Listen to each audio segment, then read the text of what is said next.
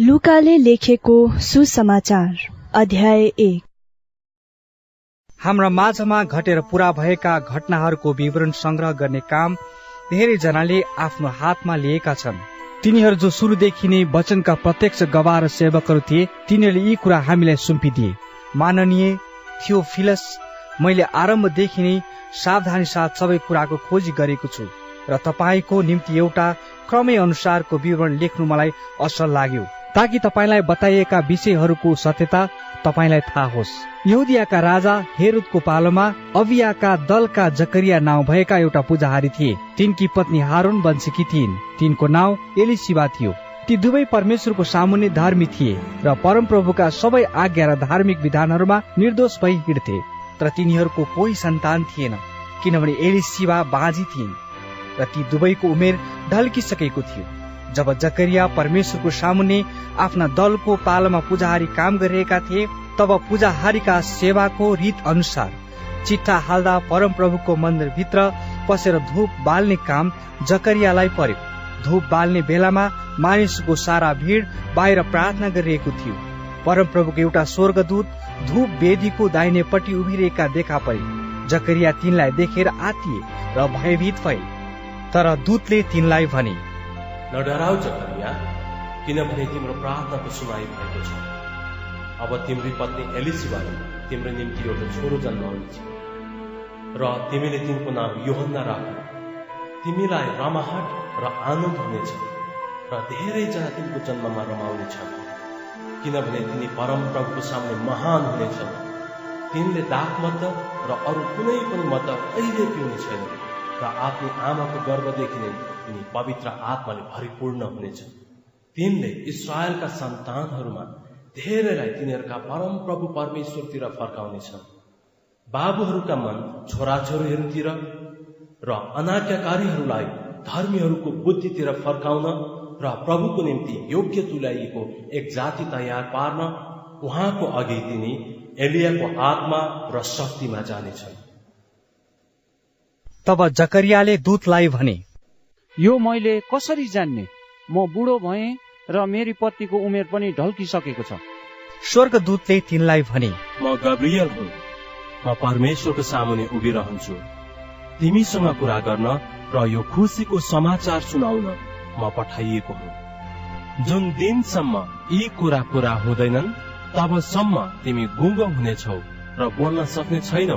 किनभने तिमीले मेरा वचनमाथि विश्वास गरेनौ जुन वचन आफ्नो समयमा पूरा हुनेछ।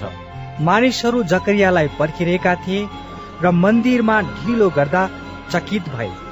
तिनी बाहिर निस्केर आउँदा उनीहरूसँग बोल्नै सकेनन् र तिनले मन्दिरमा दर्शन देखेछन् भने उनीहरूले बुझे। तिनले उनीहरूलाई इसारा गर्न लागे अनि तिनी गुगु भइरहे। तिनको सेवाका दिन समाप्त भएपछि तिनी आफ्नो घर गए। यसपछि तिनकी स्वास्नी एलिसिबा गर्भवती भइन् र पाँच महिनासम्म लुकेर बसिन् र यसो भनिन् मानिसहरूका बीचमा मेरो कलङ्क हटाउनलाई अब परम प्रभुले ममाथि यसरी कृपा गर्नु भएको हो। छैठौँ महिनामा परमेश्वरले गब्रियल स्वर्गदूतलाई गालिलको नासरत नाउँको सहरमा पठाउनु भयो तिनी एउटी कन्या केटी कहाँ गए जसको मग्नी दाउदका घरानाको योसेफ भन्ने एउटा मानिससँग भएको थियो। त्यस कन्याको नाउँ मरियम थियो। स्वर्गदूतले तिनी कहाँ गएर भने हे कृपा पात्र तिमीलाई अभिवादन। परम प्रभु तिमीसँग हुनुहुन्छ। तर तिनी त्यस कुराले साह्रै विचलित भइन् र यो कस्तो किसिमको अभिवादन हो भनी मनमा सोच्न लागिन्। स्वर्गदूतले तिनलाई भने नडराउ मरियम किनभने तिमीले परमेश्वरबाट कृपा पाएकी छौ।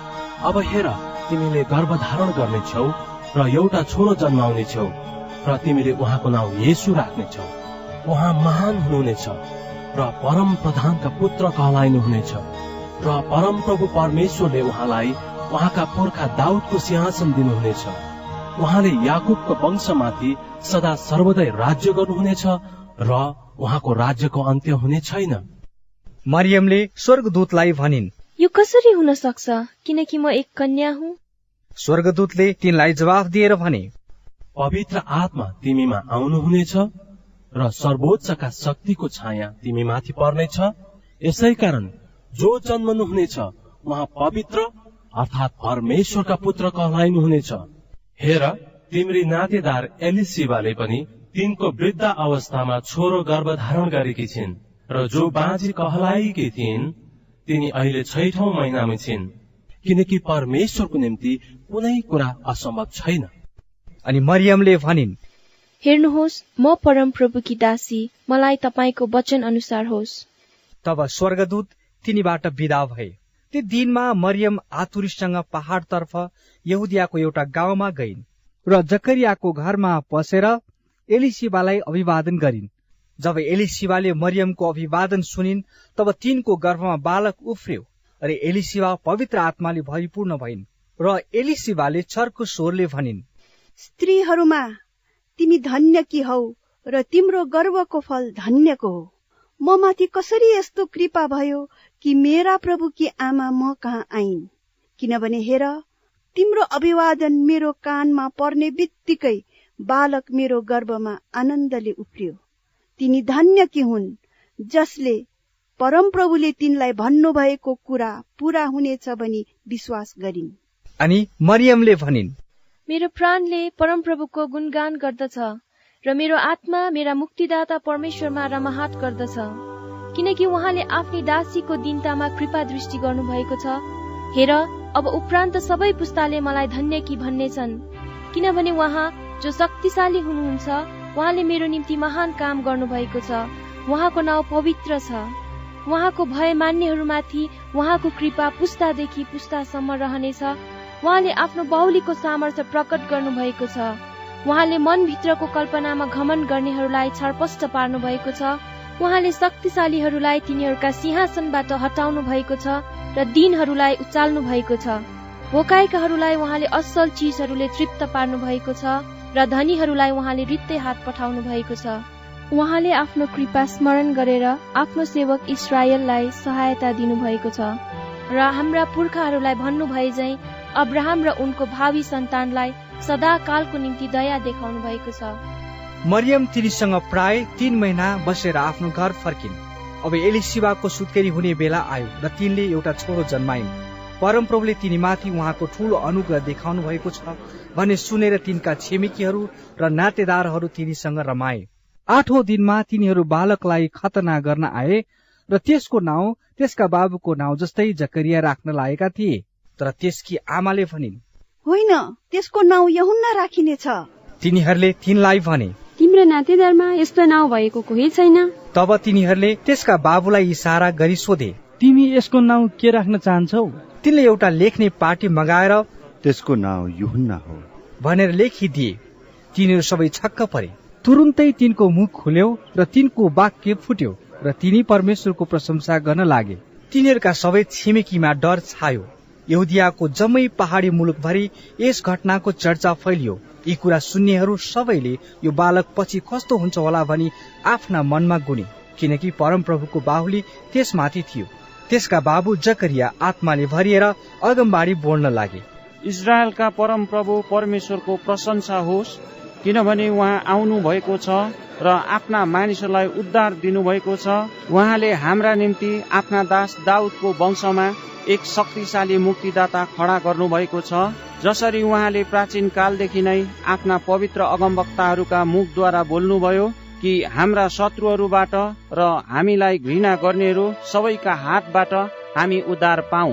उहाँले हाम्रा पुर्खाहरूलाई कृपा देखाउनलाई र आफ्नो पवित्र करार स्मरण गर्नलाई जुन शपथ उहाँले हाम्रा पुर्खा अब्रामसँग खानु भएको थियो कि हामी हाम्रा शत्रुहरूका हातबाट मुक्त हौ र निर्भयता साथ हाम्रा समस्त जीवनभरि पवित्रता र धार्मिकतामा उहाँको सामुन्ने उहाँको सेवा गर्न पाऊ।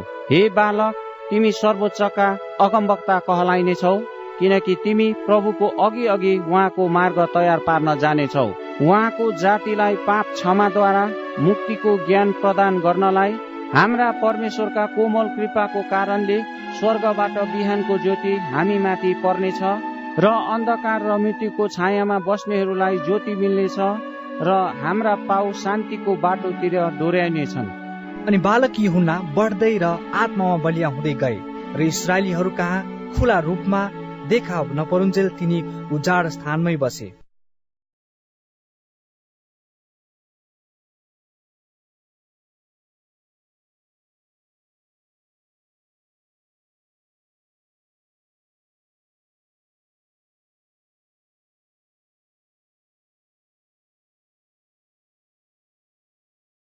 लुका अध्याय दुई। ती दिनमा कैसर अगस्तसले तिनको सारा साम्राज्यमा जनगणना लिनु भन्ने हुकुम जारी गरे। क्वेनियस सिरियाका हाकिम हुँदा यो पहिलो पल्टको जनगणना थियो। सबैजना नाउँ दर्ता गराउन आफ्नो आफ्नो सहर गए। योसेफ पनि गालिलको नासरतबाट यहुदियाको बेतलेहेम भने दाउदको सहरमा गए किनभने तिनी दाउदका कुटुम्ब र वंशका थिए। नाउँ दर्ता गराउन तिनी आफूसँग मग्नी भएकी मरियमलाई साथमा लिएर गए। मरियम गर्भवती थिइन्। तिनीहरू त्यहाँ भएकै बेला गए। मरियमको बालक जन्माउने बेला आयो। तिनले आफ्नो जेठो छोरो जन्माइन् र उहाँलाई लुगाले बेरेर डुरमा राखिन्। किनकि तिनीहरूका निम्ति पौवामा ठाउँ थिएन। त्यही इलाकामा गोठालाहरू थिए जसले चौरमा बसेर राति आफ्नो बगालको रखवाली गर्थे। प्रभुका एउटा स्वर्गदूत तिनीहरू कहाँ देखा परे र प्रभुको तेज तिनीहरूका वरिपरि चम्क्यो अनि तिनीहरू साह्रै डराए। तब स्वर्गदूतले तिनीहरूलाई भने नडराओ किनभने हेर म तिमीलाई बडो आनन्दको सुसमाचार सुनाउँछु जो सबै मानिसहरूका निम्ति हुनेछ। आज दाउदको सहरमा तिमीहरूका निम्ति एउटा मुक्तिदाताको जन्म भएको छ जो ख्रिस प्रभु हुनुहुन्छ। तिमीहरूलाई चिन्ह चाहिँ यो हुन्छ तिमीहरूले एउटा बालकलाई लुगाले बेरेको र डोलमा सुताइराखेको भेट्टाउनेछ। तब एक्कासी ती स्वर्गदूतसँग स्वर्गीय सेनाको एउटा दल देखा पर्यो। परमेश्वरको स्तुति गर्दै तिनीहरूले भने सर्वोच्चमा परमेश्वरलाई महिमा र पृथ्वीमा जुन मानिसहरूसँग उहाँ प्रसन्न हुनुहुन्छ तिनीहरूलाई शान्ति। जब स्वर्गदूतहरू तिनीहरूबाट विदा भएर स्वर्गमा गए तब गोठालाहरूले आपसमा भने आओ हामी बेतलेममा जाउँ र त्यहाँ घटेको यो घटना र परम प्रभुले हामीलाई बताउनु भएको कुरा गएर हेरौँ। तिनीहरू आतुरीसँग गए। र मरियम र योसेफ दुवैलाई र बालकलाई चाहिँ ढुडमा सुतिरहेका भेटाए। जब तिनीहरूले यो देखे तब यस बालकको विषयमा जे कुरा तिनीहरूलाई भनिएको थियो त्यो तिनीहरूले बताइदिए। गोठालाहरूले बताएका कुरा सुन्नेहरू सबै आश्चर्यचकित भए। तर मरियमले यी सब कुरा गुन्दै मनेमा राखिन्। जस्तो तिनीहरूलाई भनिएको थियो त्यस्तै सबै कुरा सुनेका र देखेका हुनाले परमेश्वरको महिमा र स्तुति गर्दै गोठालाहरू फर्के। आठौं दिनमा बालकको खतना हुँदा उहाँको नाउँ यसु राखियो जुन नाउँ उहाँ गर्भमा आउनु अघि स्वर्गदूतले दिएका थिए। मोसाको व्यवस्था अनुसार तिनीहरूको शुद्ध हुने समय पूरा भएपछि तिनीहरूले उहाँलाई परमप्रभुको सामुन्ने समर्पण गर्न एरुसलेममा ल्याए जस्तो परमप्रभुको व्यवस्थामा लेखिएको छ। पहिलो जन्मने हरेक जेठो चाहिँ परम प्रभुको निम्ति पवित्र कहलाइनेछ।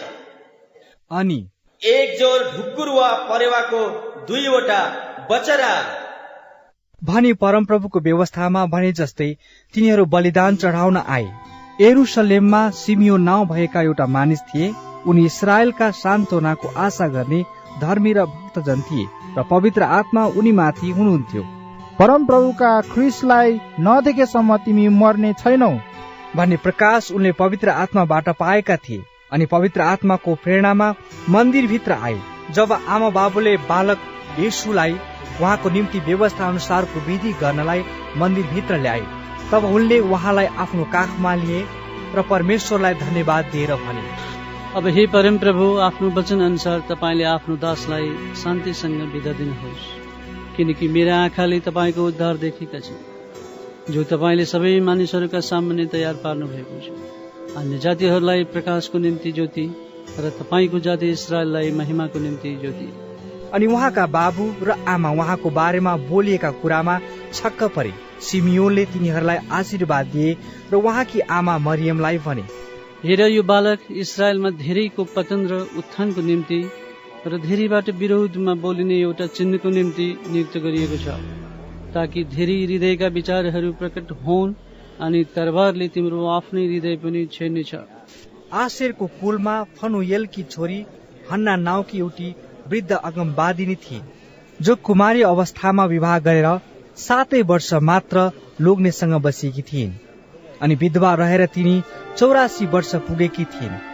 तिनले मन्दिर छोड्दैन थिइन् तर उपवास र प्रार्थना साथ रात दिन उपासना गर्दथिन् त्यही बेला तिनले आएर परमेश्वरलाई धन्यवाद दिइन् र एरुसलेमका उद्धारको प्रतीक्षा गर्ने सबैलाई बालकको विषयमा भनिन्। जब तिनीहरूले परमप्रभुको व्यवस्था अनुसार सबै काम गरी सिद्ध्याए तब तिनीहरू गालिलको आफ्नै सहर नासरतमा फर्के। बालक बुद्धिले भरिपूर्ण भएर बढ्दै र बलियो हुँदै जानुभयो र परमेश्वरको अनुग्रह उहाँमाथि थियो। उहाँका आमा बाबु निस्तार चाडमा प्रति वर्ष एरुसलेम जाने गर्थे। जब यसु बाह्र वर्षका हुनुभयो तब उहाँहरू चाडको रीति अनुसार एरुसलेममा जानुभयो। चाडका दिन सिद्धिएपछि तिनीहरू फर्कदा बालक यसु एरुसलेममै रहनुभयो। यो चाहिँ उहाँका आमा बाबुले थाहा पाएनन्। उहाँ यात्रीहरूको दलमा हुनुहुन्छ भनी ठानेर तिनीहरू एक दिनको बाटो गए। उहाँलाई तिनीहरूले नातेदार र चिनाजानाहरूका बीचमा खोजे।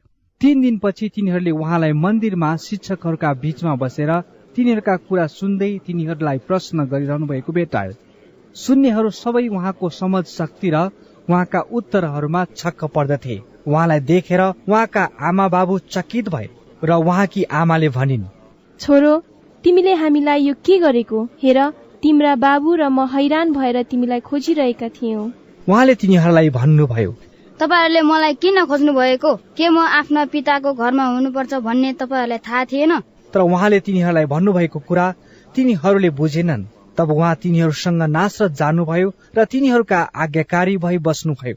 उहाँकी आमाले यी सबै कुरा आफ्नो मनमा राखिन् अनि यसो बुद्धिमा कदमा र परमेश्वर र मानिसहरूको अनुग्रहमा बढ्दै जानुभयो।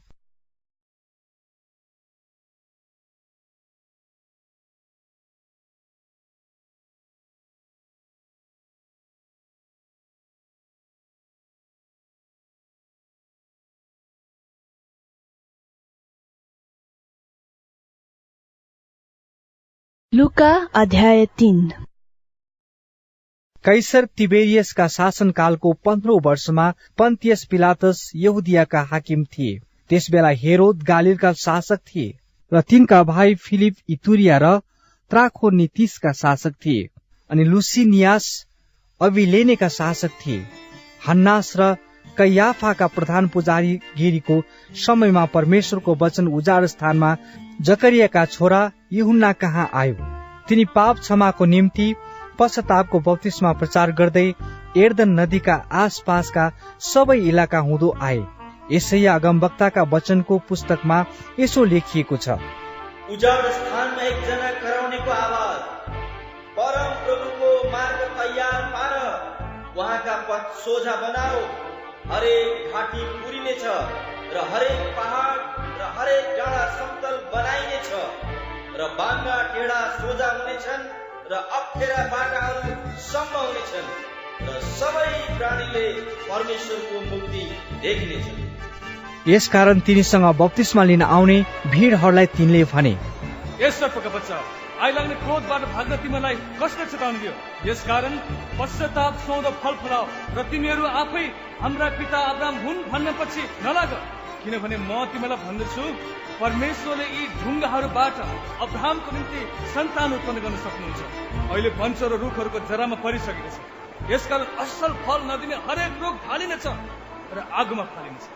मानिसहरूले यहुन्नालाई सोधे त्यसो भए हामीले के गर्ने? तिनले उनीहरूलाई जवाफ दिए जससँग दुईवटा दौरा छन् त्यसले नहुनेलाई एउटा दिइहालोस्। र जससँग खानेकुरा छ त्यसले पनि त्यसै गरोस्। कर उठाउनेहरू पनि बत्तिसमा लिन आए अनि तिनलाई सोधे गुरुजी हामीले के गर्ने?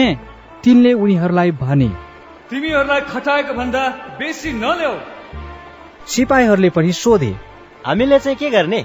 तिनले उनीहरूलाई भने कसैमाथि अत्याचार गरेर र झुटो दोष लगाएर नलुट आफ्ना तनखामा सन्तुष्ट रह। जब मानिसहरू प्रतीक्षा गरिरहेका थिए र सबै आफ्ना मनमा युहुनाको विषयमा सायद यिनी नै ख्रिस्ट हुन् कि भनी विचार गरिरहेका थिए तब युहन्नाले ती सबैलाई जवाफ दिए। म तिमीहरूलाई पानीले बत्तिसमा दिन्छु तर एकजना म भन्दा शक्तिशाली आउँदै हुनुहुन्छ जसका जुत्ताका फित्ता खोल्ने लायकको म छैन। उहाँले तिमीहरूलाई पवित्र हातमा र आगोले बत्तिसमा दिनुहुनेछ। निपन्ने नाङ्लो उहाँको हातमा छ जसद्वारा उहाँले आफ्नो खला राम्ररी सफा पार्नुहुनेछ र गहुँ आफ्नो धनसारमा जम्मा गर्नुहुनेछ। तर भुस चाहिँ उहाँले ननिप्ने आगोमा जलाउनुहुनेछ। यसरी अरू धेरै अर्थीहरूद्वारा शिक्षा दिएर युहुन्नाले मानिसहरूलाई सुसमाचार प्रचार गरे।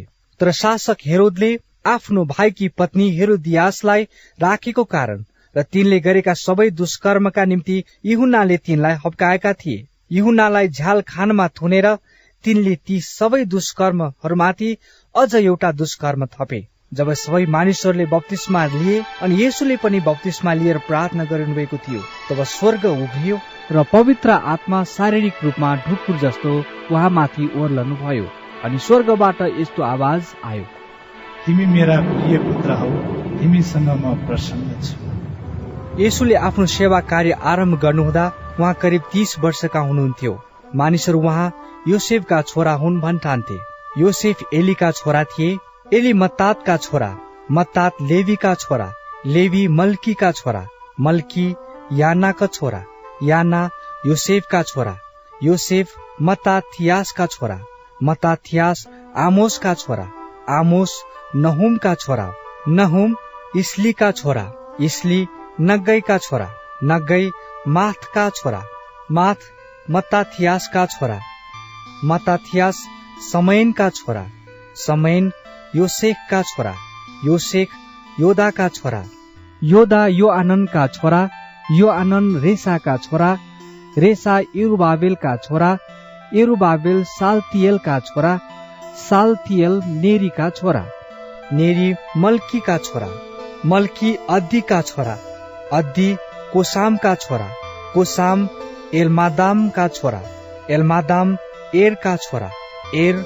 यासुका छोरा यासु एलिएजरका छोरा एलिएजर योरिमका छोरा योरिम मत्तातका छोरा मत्तात लेवीका छोरा लेवी सिमियोनका छोरा सिमियोन यहुदाका छोरा यहुदा योसेफका छोरा योसेफ योनानका छोरा योनान एल्याकिमका छोरा एल्याकिम मलेआका छोरा मलेआ भिन्नाका छोरा भिन्ना मत्ताथाका छोरा मत्ताथा नातानका छोरा नातान दाउदका छोरा दाउद इसैका छोरा इसै ओबेदका छोरा ओबेद बोअजका छोरा बोअज सलमोनका छोरा सलमोन नहसोनका छोरा नहसोन अमिनादाबका छोरा अमिनादाब आरामका छोरा आराम हेस्रोनका छोरा हेस्रोन फारेसका छोरा फारेस यहुदाका छोरा यहुदा याकुबका छोरा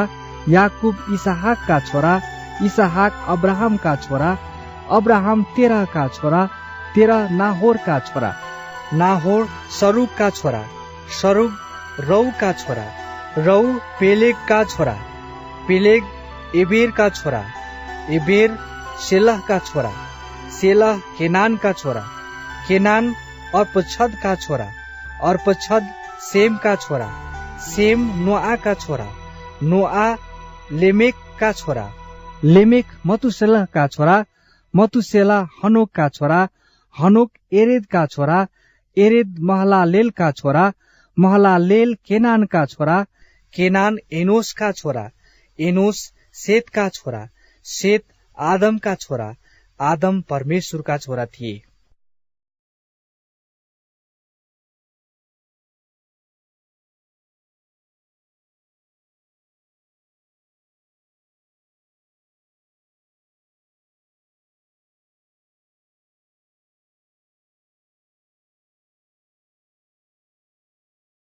लुका अध्याय चार। यसु पवित्र आत्माले परिपूर्ण भएर एर्दनबाट फर्कनुभयो र आत्माले उहाँलाई उजाड स्थानमा लैजानुभयो र चालिस दिनसम्म उजाड स्थानमा दियाबलसबाट उहाँ परीक्षित हुनुभयो। त्यो दिनमा उहाँले केही खानु भएन र चालिस दिन समाप्त भएपछि उहाँ भोकाउनु भयो। तब दियाबलसले उहाँलाई भन्यो तपाईँ परमेश्वरका पुत्र हुनुहुन्छ भने यस ढुङ्गालाई आज्ञा गर्नुहोस्। र त्यो रोटी बनोस्। यसुले त्यसलाई जवाफ दिनुभयो। लेखिएको छ मानिस रोटीले मात्र जीवित रहँदैन। त्यसले उहाँलाई एउटा उच्च स्थानमा लगेर एकै क्षणमा जगतका सबै राज्यहरू देखायो। दियावलिसले उहाँलाई भन्यो म यी सारा अधिकार र यिनको गौरव तपाईँलाई दिनेछु किनभने यी सबै मलाई सुम्पिएका छन् र म जसलाई इच्छा गर्दछु त्यसलाई दिँदछु तपाईँले मलाई दण्डवत गर्नुभयो भने यी सबै तपाईँका हुनेछन्। यसुले त्यसलाई जवाफ दिनुभयो। लेखिएको छ तैले परम प्रभु आफ्ना परमेश्वरलाई दण्डवत गर्नु र उहाँको मात्र सेवा गर्नु। तब त्यसले उहाँलाई एरुसलेममा लगेर मन्दिरको टुप्पामा राख्यो र उहाँलाई भन्यो तपाईँ परमेश्वरका पुत्र हुनुहुन्छ भने यहाँबाट हम फाल्नुहोस् किनभने लेखिएको छ उहाँले तिम्रो रक्षा गर्न आफ्ना स्वर्गदूतहरूलाई आज्ञा गर्नुहुनेछ। र तिनीहरूले तिमीलाई हात हातै थाम्नेछन् नत्र त तिम्रो खुट्टा ढुङ्गामा ठोक्नेछ। यसुले त्यसलाई जवाफ दिनुभयो। यसो भनिएको छ तैले परम प्रभु आफ्ना परमेश्वरको परीक्षा नगर्नु। दियावलसले उहाँलाई सबै परीक्षा गरिसकेपछि अनुकूल समय नभएसम्म उहाँलाई छोडेर गयो। यसु पवित्र आत्माको शक्तिमा गालिलमा फर्कनुभयो र उहाँका विषयको कुरा वरिपरिका सबै ठाउँमा फिजियो।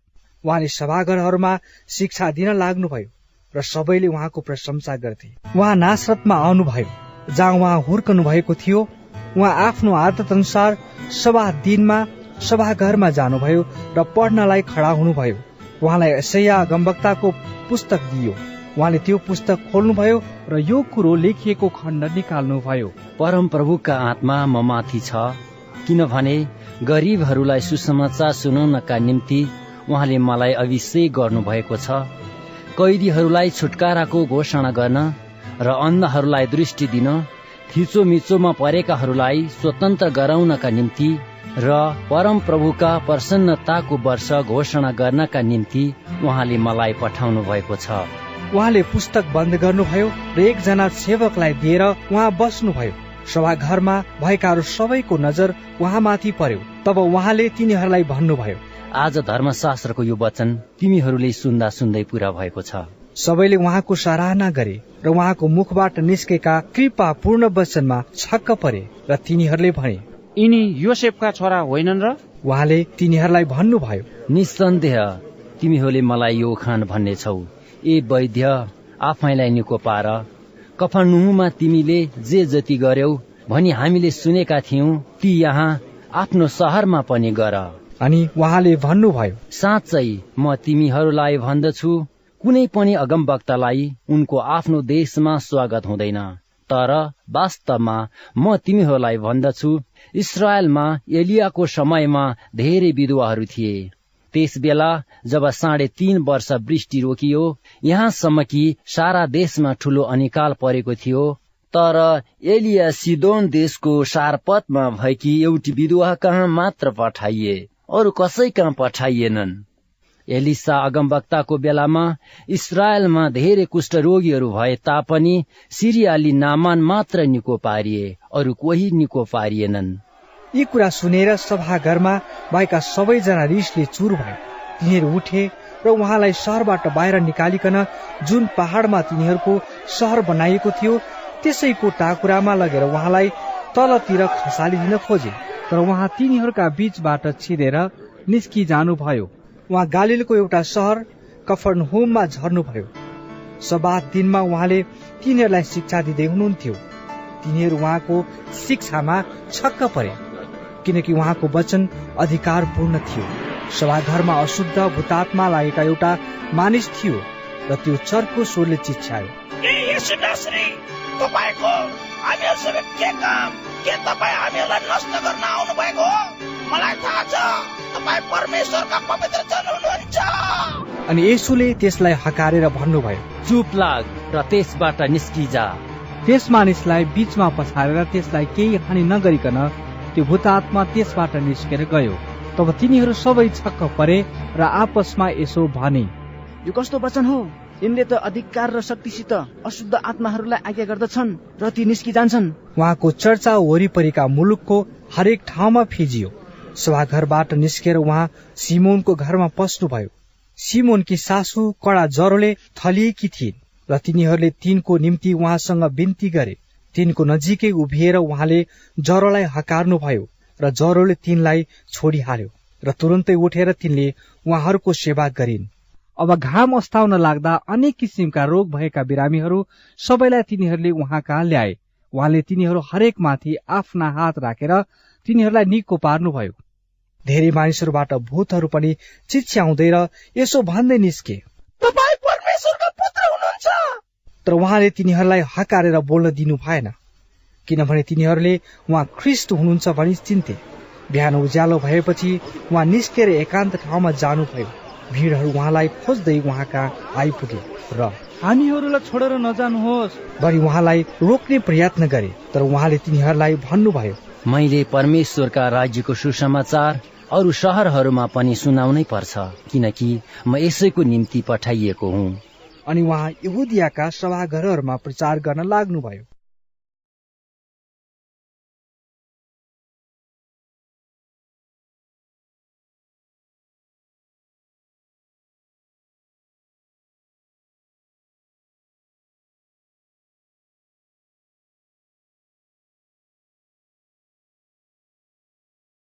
लुका अध्याय पाँच। मानिसहरू परमेश्वरको वचन सुन्न उहाँका चारैपट्टि ठेलम ठेला गरिरहेका थिए अनि उहाँ गणेशरेत झिलको किनारमा उभिरहनु भएको थियो। उहाँले झिलको किनारामा दुईवटा डुङ्गा देख्नुभयो तर जालाहरीहरू चाहिँ डुङ्गा बाहिर बसी आफ्ना जालहरू धोइरहेका थिए। ती दुई मध्ये एउटा डुङ्गा चाहिँ सिमोनको थियो। त्यसमा चढेर उहाँले डुङ्गालाई किनारबाट अलि पर लैजान लाउनुभयो। उहाँले डुङ्गामा बसेर भिडलाई शिक्षा दिन लाग्नुभयो। बोलिसक्नु भएपछि उहाँले सिमोनलाई भन्नुभयो गहिरोतिर लगेर माछा पक्रनलाई आफ्ना जाल हान। तर सिमोनले भने गुरुज्यू हामीले रातभरि मेहनत गरेर पनि केही फेला पारेन। तापनि तपाईँको वचन अनुसार म जाल हान्नेछु अनि जब त्यसो गरे तब तिनीहरूले एक थुप्रो माछा पक्रे र तिनीहरूका जाल फाट्न लागे। तिनीहरूले अर्को डुङ्गामा भएका साझेदारहरूलाई आएर गुहार गर्ने इसारा गरे र आएर तिनीहरूले दुवै डुङ्गा माछाले भरे। यहाँसम्म कि डुङ्गाहरू डुब्न लागे। तब यो देखेर येसुको पाउमा घोप्टो परि सिमोन पत्रुसले भने हे प्रभु मबाट जाइ जानुहोस् किनभने म पापी मानिस हुँ। यतिका माछा पक्रेको देखेर तिनी र तिनको साथमा हुनेहरू सबैले साह्रै अचम्म माने। त्यसै गरी जब्दियाका छोराहरू याकुब र यहुन्ना पनि छक्क परे। तिनीहरू सिमोनसँग साझेदार थिए।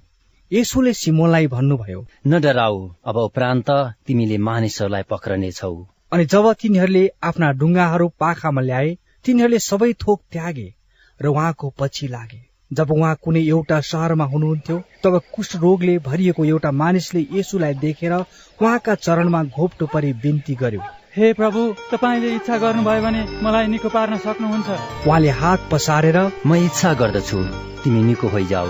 भन्दै त्यसलाई छुनुभयो र तुरन्तै त्यसको कुष्ठरोग त्यसबाट हटिहाल्यो। उहाँले तिनलाई आदेश दिनुभयो। यो कसैलाई नभन तर गएर पुजारी कहाँ आफैलाई देखाऊ? र मोसाले आज्ञा गरे बमोजिम मानिसहरूलाई तिमी निको भएको प्रमाणको निम्ति भेटी चढाऊ। तर उहाँको चर्चा अझ बढी जताततै फिजियो र ठूला भिडहरू उहाँको कुरा सुन्न र आफ्ना आफ्ना रोगहरूबाट निको हुन जम्मा हुन्थे।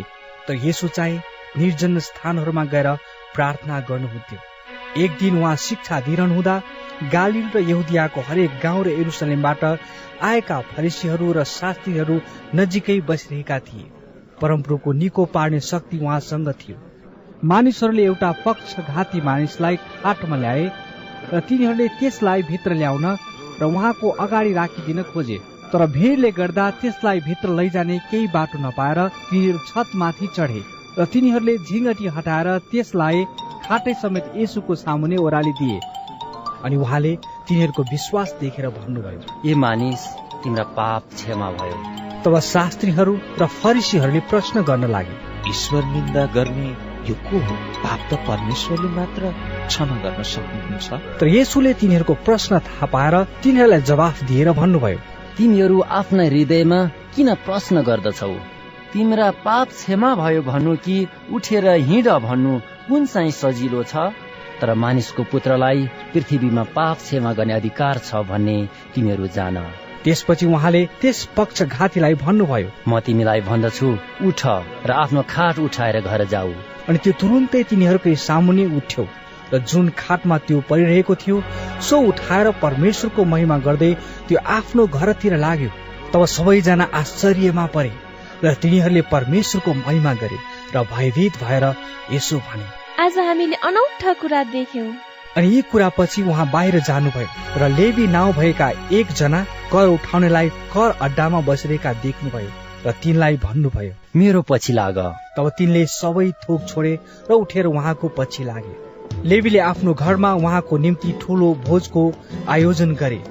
त्यहाँ कर उठाउनेहरू र अरूहरू ठूलो संख्यामा उहाँहरूसँग भोजमा बसेका थिए। फरिसीहरू र तिनीहरूका शास्त्रीहरू उहाँका चेलाहरूका विरुद्धमा यसो भनेर गनगनाउन लागे। तिमीहरू कर उठाउनेहरू र पापीहरूसँग किन खानपान गर्दछौ? तर यसुले तिनीहरूलाई भन्नुभयो निरोगीलाई वैद्यको खाँचो पर्दैन तर रोगीलाई मात्र। म धर्मीहरूलाई होइन तर पापीहरूलाई पश्चातापको निम्ति बोलाउन आएको हुँ। तिनीहरूले उहाँलाई भने योहन्नाका चेलाहरू बारम्बार उपवास बस्दछन् र प्रार्थना गर्दछन्।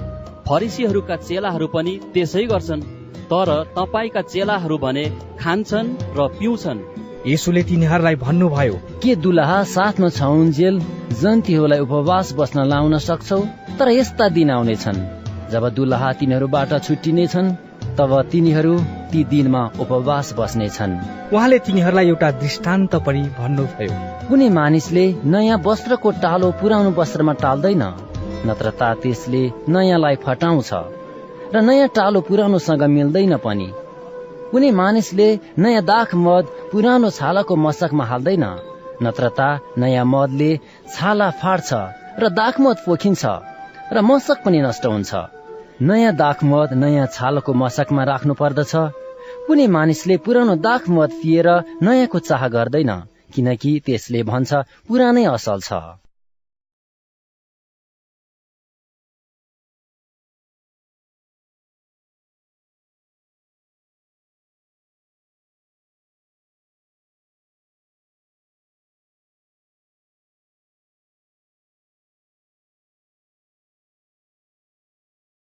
लुका अध्याय छ। सभा दिनमा उहाँ अन्नको खेतबाट भएर जाँदै हुनुहुन्थ्यो र उहाँका चेलाहरूले बाली टिपेर हातमा मार्दै खान लागे। तर फरिसीहरू मध्ये कुनै कुनैले तिनीहरूलाई भने सबात दिनमा जे गर्नु उचित छैन त्यो तिमीहरू किन गर्दछौ? यसुले तिनीहरूलाई जवाफ दिएर भन्नुभयो के तिमीहरूले यो पनि पढेका छैनौ? दाउदले जब तिनी आफै र तिनको साथमा हुनेहरू भोकाएका थिए तब के गरे?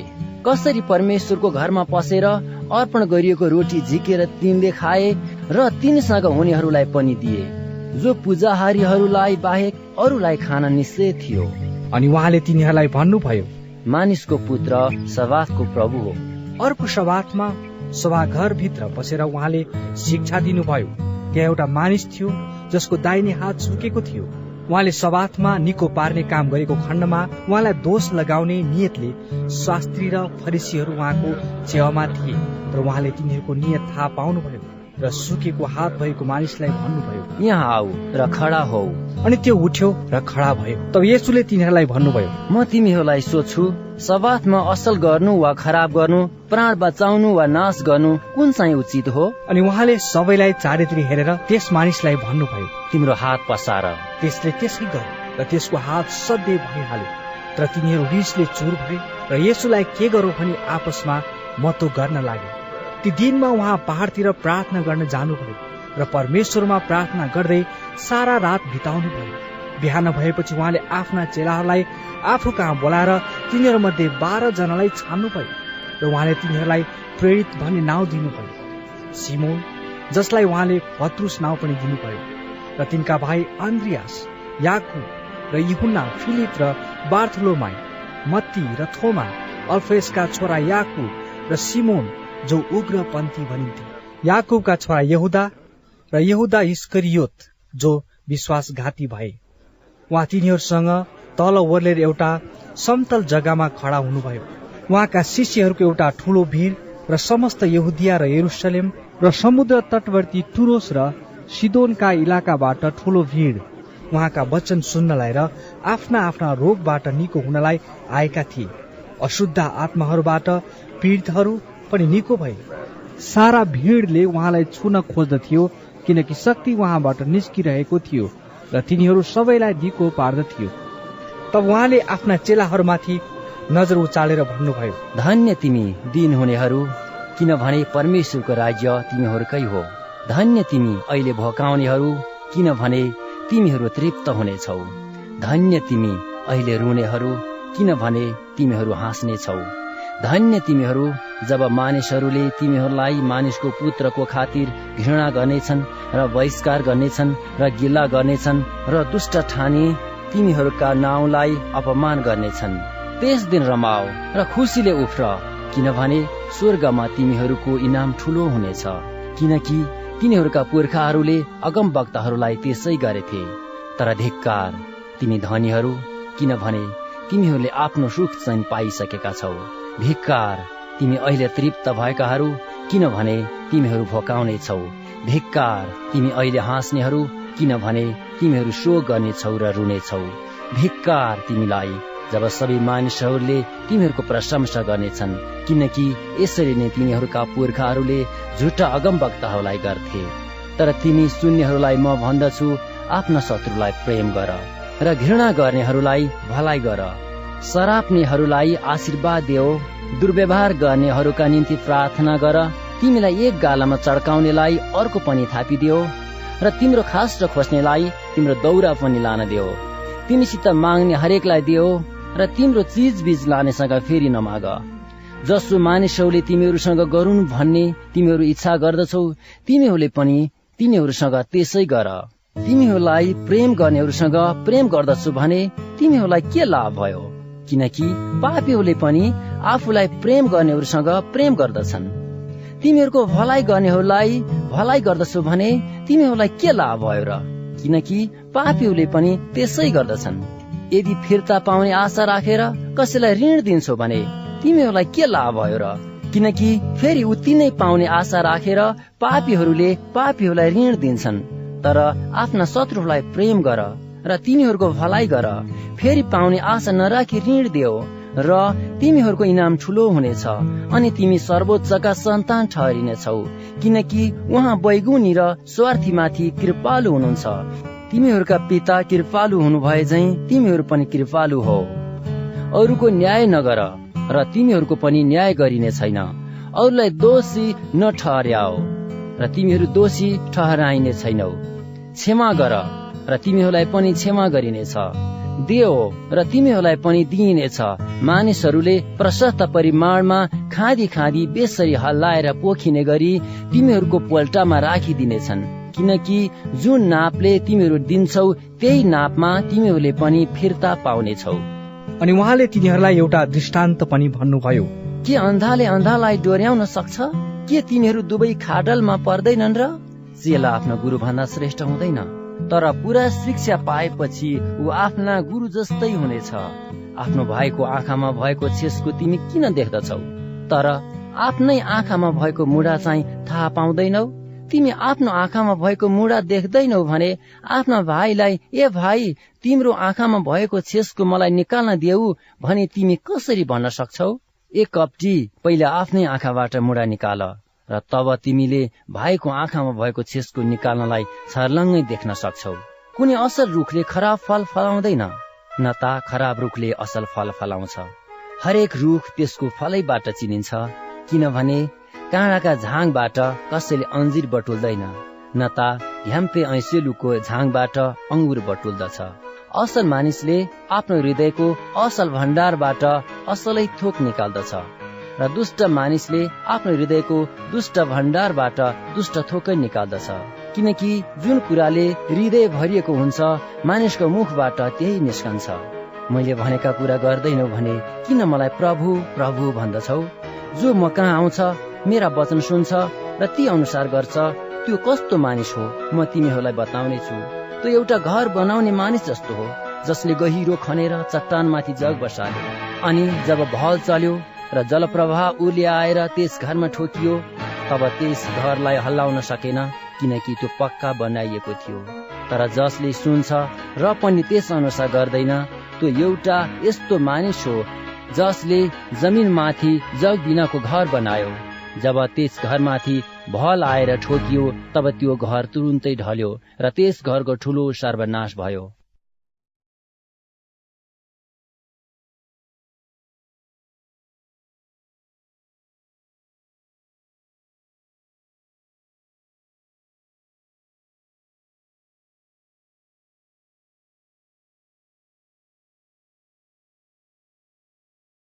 लुका अध्याय सात। आफ्ना सबै कुरा मानिसहरूलाई सुनाइसकेपछि उहाँ कफर होममा प्रवेश गर्नुभयो। कुनै एउटा कप्तानको एकजना प्यारो कमारो थियो जो बिरामी भएर मर्ने लागेको थियो। जब येसुको बारेमा तिनले सुने तब तिनको कमारालाई निको पारिदिनुहोस् भनी तिनले यहुदीहरूका धर्म गुरूहरूलाई बिन्ती गर्न पठाए। तिनीहरू येसु कहाँ आएर यसो भनेर उहाँलाई आग्रहपूर्वक बिन्ती गरे। तिनी तपाईँको यो कृपा पाउने योग्यका छन् किनभने तिनले हाम्रो जातिलाई प्रेम गर्दछन् र तिनले नै हाम्रो सभाघर बनाइदिएका हुन्। यसु तिनीहरू साथ जानुभयो। कप्तानको घरको नजिकै उहाँ हुनुहुँदा कप्तानले तिनका मित्रहरूलाई उहाँ कहाँ यसो भनी पठाए। हे प्रभु दुःख नउठाउनुहोस् किनकि तपाईँ मेरो घरभित्र प्रवेश गर्नुहुने योग्यको म छैन। मैले आफैलाई पनि तपाईँ कहाँ आउने योग्यको ठानिन। तर वचन भनिदिनुहोस् र मेरो चाकर निको हुनेछ। किनकि म पनि अख्तियार मुनि बस्ने मानिस हुँ अनि मेरो अधीनमा सिपाहीहरू छन्। म एउटालाई जा भन्छु अनि त्यो जान्छ र अर्कालाई आइज भन्छु अनि त्यो आउँछ। मेरो कमारालाई यो गर भन्छु अनि त्यसले गर्छ। तिनको यो कुरा सुनेर यसु तिनीसँग आश्चर्यचकित हुनुभयो र फर्केर आफू पछि आउने भिडलाई भन्नुभयो। म तिमीहरूलाई भन्दछु मैले इसरायलमा पनि यस्तो विश्वास देखेको छैन। जब पठाइएका मानिसहरू घर फर्केर गए तिनीहरूले त्यस कमारालाई निको भएको भेटाए। भोलिपल्ट यसु नाइन नाउँको सहरमा जानुभयो र उहाँका चेलाहरू र एउटा ठूलो भिड उहाँका साथमा गए जब उहाँ सहरको ढोका नजिक पुग्नु भएको थियो एउटी विधवाको एउटै छोराको लास लगिँदै थियो। सहरको निकै ठूलो भिड तिनको साथमा थियो। जब प्रभुले तिनलाई देख्नुभयो तब तिनलाई टिठाएर भन्नुभयो नरौ अनि नजिक गएर उहाँले अर्थी छुनुभयो र बोक्नेहरू टक्क अडिए। उहाँले भन्नुभयो ए युवक म तिमीलाई भन्दछु उठ। तब मृत मानिस उठेर बस्यो र बोल्न लाग्यो। यसुले त्यसलाई आमाको जिम्मा लगाउनु भयो तब सबै भयभीत भए र परमेश्वरको महिमा गरे र भने एउटा महान अगमवक्ता हाम्रा बीचमा प्रकट भएका छन्। र परमेश्वरले आफ्नो प्रजामाथि कृपा गर्नु भएको छ। उहाँको विषयको यो चर्चा सारा यहुदिया र छेउछाउका समस्त जिल्लाहरूमा फिजियो। यहुनाका चेलाहरूले यी सब कुराको समाचार तिनलाई भनिदिए। आफ्ना चेलाहरू मध्ये दुईजनालाई यहुनाले प्रभु कहाँ यो सोध्न पठाए। जो आउनु हुनेछ के तपाईँ उहाँ नै हुनुहुन्छ? कि हामी अरू कसैको प्रतीक्षा गरौं? जब ती मानिसहरू यसु कहाँ आए तब तिनीहरूले भने बत्तिसमा दिने योहन्नाले हामीलाई यो सोध्न तपाईँका पठाएका छन् जो आउनुहुनेछ के तपाईँ उहाँ नै हुनुहुन्छ? कि हामी अरू कसैको प्रतीक्षा गरौं? त्यसै बेला येसुले धेरैलाई रोग व्यथा र दुष्टात्माहरूबाट छुटाउनु भयो र धेरै अन्धाहरूलाई दृष्टि प्रदान गर्नुभयो। तब उहाँले तिनीहरूलाई भन्नुभयो जाओ र जे तिमीहरूले देख्यौ र सुन्यौ गएर युहन्नालाई भनिदेऊ। अर्थात् अन्धाहरूले दृष्टि पाउँछन् लङ्गडाहरू हिँड्छन् कुष्ठरोगीहरू निको हुन्छन् बहिराहरू सुन्छन् मृतकहरू जीवित भई उठ्छन् गरिबहरूलाई सुसमाचार सुनाइन्छ। त्यो धन्य हो जसले ममा बाधाको कारण पाउँदैन। यहुनाले पठाएका चेलाहरू फर्केपछि उहाँले यहुनाको बारेमा भिडलाई भन्न लाग्नुभयो। तिमीहरू उजाड स्थानमा के हेर्न गयौ? के बतासले हल्लाइराखेको निगालोलाई? तब तिमीहरू के हेर्न निस्क्यौ? के असल वस्त्र पहिरिएको मानिसलाई हेर्न? हेर चमकदार वस्त्र पहिरिने र विलासितामा बस्नेहरू त राजदरबारहरूमा हुन्छन्। तर तिमीहरू के हेर्न निस्क्यौ? के अगमवक्तालाई? हो म भन्दछु। तिमीहरूले अगमवक्ता भन्दा पनि श्रेष्ठलाई देख्यौ। यी तिनै हुन् जसका विषयमा लेखिएको छ हेर म मेरो दूतलाई तिम्रो अघि अघि पठाउँछु जसले तिम्रो अघि मेरो मार्ग तयार गर्नेछ। म तिमीहरूलाई भन्दछु स्त्रीहरूबाट जन्मेका मध्ये युहन्ना भन्दा महान कोही छैन। तापनि जो परमेश्वरको राज्यमा सानो भन्दा सानो छ त्यो तिनी भन्दा अझ महान हुन्छ। अनि सबै मानिसहरू र कर उठाउनेहरूले यो सुनेर परमेश्वरको सत्यतालाई स्वीकार गरे। किनकि तिनीहरूले युहुन्नाबाट बत्तिसमा लिएका थिए। तर फरिसीहरू र व्यवस्थाका पण्डितहरूले चाहिँ यहुनाबाट बत्तिसमा नलिएको कारणले परमेश्वरको अभिप्रायलाई आफ्नो निम्ति अस्वीकार गरे। यसुले भन्नुभयो यस पुस्ताका मानिसहरूलाई म के सित तुलना गरौं? तिनीहरू के जस्ता छन्? तिनीहरू त बजारमा बस्ने बालकहरू जस्ता छन् जसले एक अर्कालाई यसो भन्दै हप्पार्दछन्। हामीले तिमीहरूका निम्ति बाँसुरी बजायौं र तिमीहरू नाचेनौ। हामीले बिलाउन गर्यौं र तिमीहरू रोएनौ। युहन्ना बत्तिसमा दिने आए अनि तिनले न त रोटी खान्थे न दाखमत पिउँथे तिमीहरूले तिनलाई भूत लागेको छ भन्दछौ। मानिसको पुत्र आयो अनि उसले खायो र पियो। अनि तिमीहरू भन्दछौ हेर एउटा घिचुवा र पियक्कर कर उठाउनेहरू र पापीहरूको मित्र। बुद्धि ठिक हो भन्ने कुरा बुद्धि अनुसार हिँड्नेहरूले नै प्रमाणित गर्छन्। फरिसीहरू मध्ये एकजनाले उहाँलाई भोजन गर्न निम्तो दिए र उहाँ त्यस फरिसीको घरमा गएर खान बस्नुभयो। त्यस सहरमा एउटी पापी स्त्री थिए।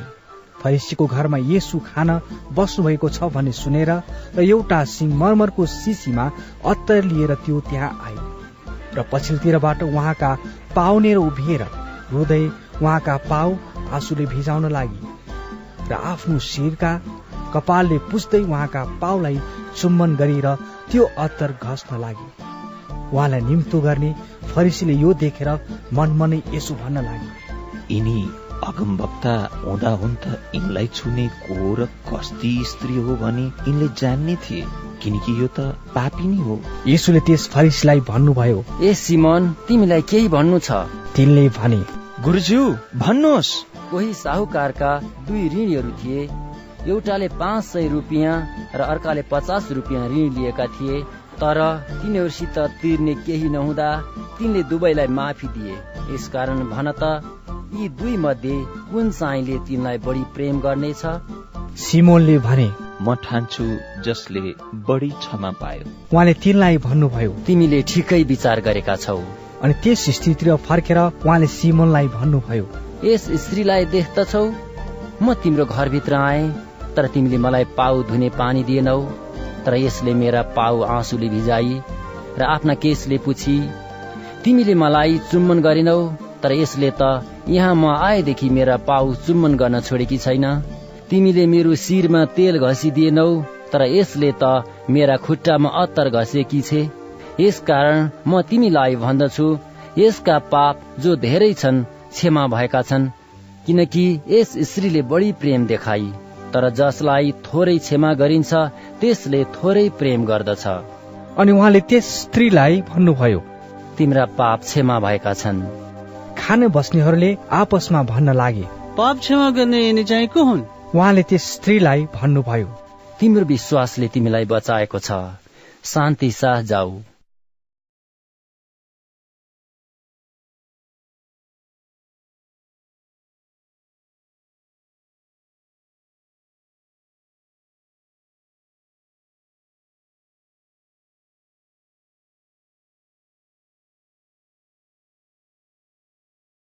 लुका अध्याय आठ।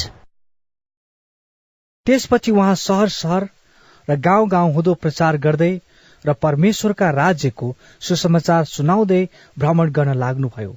उहाँसँग बाह्रै जना चेलाहरू थिए। कतिपय स्त्रीहरू पनि उहाँको साथमा थिए जो दुष्टात्मा र रोगहरूबाट निको भएका थिए। यिनीहरू थिए मगदलिनी भन्ने मरियम जसबाट सातवटा भूत निस्केका थिए। हेरोदका कारिन्दा खोजासकी पत्नी योअन्ना र सुसन्ना। यिनीहरू र अरूहरूले आफ्ना धनले उहाँको सेवा गर्दथे। जब ठूलो भीड़ जम्मा भयो र सहर सहरबाट मानिसहरू उहाँका आए उहाँले तिनीहरूलाई एउटा दृष्टान्त भन्नुभयो। एउटा बिउ छर्ने बिउ छर्न निस्क्यो र छर्दा हुँदी केही बाटोको छेउमा परे र ती मानिसका खुट्टाले कुल्चिए र आकाशका पक्षीले खाइहाले अरू बिउ ढुङ्गेनी जमिनमा परे र ती उम्रने बित्तिकै सुके किनभने त्यो जमिन ओबानो थियो। कोही बिउ काँडाको झाङमा परे र तिनका साथमा काँडाको झाङ पनि बढेर आयो र तिनलाई बढ्न दिएन। कति चाहिँ असल जमिनमा परे र उम्रिएर सय गुणा फल फलाए। यति भनेपछि उहाँले उच्च स्वरले भन्नुभयो जसको सुन्ने कान छ त्यसले सुनोस् उहाँका चेलाहरूले यस दृष्टान्तको अर्थ के हो भनी उहाँलाई सोधे। उहाँले भन्नुभयो तिमीहरूलाई त परमेश्वरका राज्यको भेद जान्ने ज्ञान दिएको छ तर अरूहरूसँग चाहिँ म दृष्टान्तमा बोल्दछु कि तिनीहरूले हेरेर पनि नदेखुन् र सुनेर पनि नबुझुन्। अब दृष्टान्त यो हो। बिउ चाहिँ परमेश्वरको वचन हो। बाटोको छेउमा खसेको बिउ तिनीहरू हुन् जसले सुन्छन् तर वचन सुनेर विश्वास नगरून् र नबाँचुन् भनी दियावलसले आएर तिनीहरूका हृदयबाट वचन लगिहाल्छ। ढुङ्गेनी जमिनमा पर्ने चाहिँ तिनीहरू हुन् जसले वचन सुनेर खुसी साथ त्यो ग्रहण गर्छन्। तर तिनको जरा हुँदैन र केही समयको लागि तिनीहरूले विश्वास गर्छन्। तर परीक्षाको बेलामा तिनीहरूको पतन हुन्छ। काँडाहरूका बीचमा पर्ने चाहिँ तिनीहरू हुन् जसले सुन्छन्। तर पछि यस जीवनका चिन्ता धन सुख चैनमा परेर बढ्न पाउँदैनन् र तिनका फल पाक्न पाउँदैनन्। तर असल जमिनमा पर्ने चाहिँ तिनीहरू हुन् जसले वचन सुनेर निष्कपट र भला हृदयमा त्यसलाई जोगाइ राख्छन् र धैर्य साथ फल फलाउँछन्। कसैले बत्ती बालेर भाँडाले छोप्दैन कि खाट मुनि राख्दैन तर भित्र आउनेहरूलाई उज्यालो होस् भनी सामदानमा राख्दछ। कुनै कुरा लुकाएर राख्न सकिँदैन जो प्रकट हुँदैन अनि कुनै कुरा गुप्तमा रहँदैन जो थाहा लाग्दैन वा प्रकाशमा आउँदैन। यसकारण होसियार रहो। तिमीहरू कसरी सुन्छौ? किनकि जससँग छ त्यसलाई अझ दिइनेछ र जससँग छैन त्यससँग जे छ भनी त्यसले ठान्छ त्यो पनि त्यसबाट खोसिनेछ उहाँका आमा र भाइहरू उहाँका आए तर भिडले गर्दा उहाँको नजिक आउन सकेनन्। उहाँलाई कसैले भने तपाईँका आमा र भाइहरू तपाईँलाई भेट गर्ने इच्छाले बाहिर उभिरहेका छन्। तर उहाँले तिनीहरूलाई भन्नुभयो मेरी आमा र मेरा भाइहरू तिनै हुन्। जसले परमेश्वरको वचन सुन्छन् र त्यो पालन गर्छन्। एक दिन उहाँ आफ्ना चेलाहरूसँग ढुङ्गामा चढ्नुभयो र उहाँले तिनीहरूलाई भन्नुभयो हामी झिलको पारिपट्टि जाउँ। र उहाँहरू ढुङ्गामा चढी जानुभयो। ढुङ्गामा जाँदै गर्दा उहाँ निधाउनु भयो झिलमा आधी बेहरी चल्न लाग्यो। ढुङ्गा पानीले भरिन लाग्यो र तिनीहरू आपतमा परे। अनि तिनीहरूले नजिक आएर उहाँलाई यसो भन्दै बुझाए गुरुजु गुरुजु हामी डुब्न लाग्यौं। उहाँले उठेर बतास र प्रचण्ड लहरलाई हकार्नु भयो र ती थाम्ने अनि सबै शान्त भयो उहाँले तिनीहरूलाई भन्नुभयो तिमीहरूको विश्वास कहाँ गयो? तिनीहरू भयभीत भए अनि आश्चर्यचकित भए र आपसमा भन्न लागे। यिनी को हुन्? बतास र पानीलाई पनि आज्ञा दिन्छन् अनि तिनीहरू यिनको आज्ञा मान्छन्? उहाँहरू गेरासेनसको प्रदेशमा आइपुग्नु भयो जो गालिलको पारिपट्टि छ। जब उहाँ पाखामा उत्रनु भयो त उहाँले सहरको एउटा मानिस भेट्नुभयो जसलाई भूत लागेको थियो। त्यसले धेरै समयदेखि लुगा लाउँदैन थियो र घरमा नबसी त्यो चिहानहरू हुँदो बस्दथ्यो त्यसले यसुलाई देख्यो र चिच्याएर उहाँको सामु घोप्टो परि उच्च स्वरले भन्यो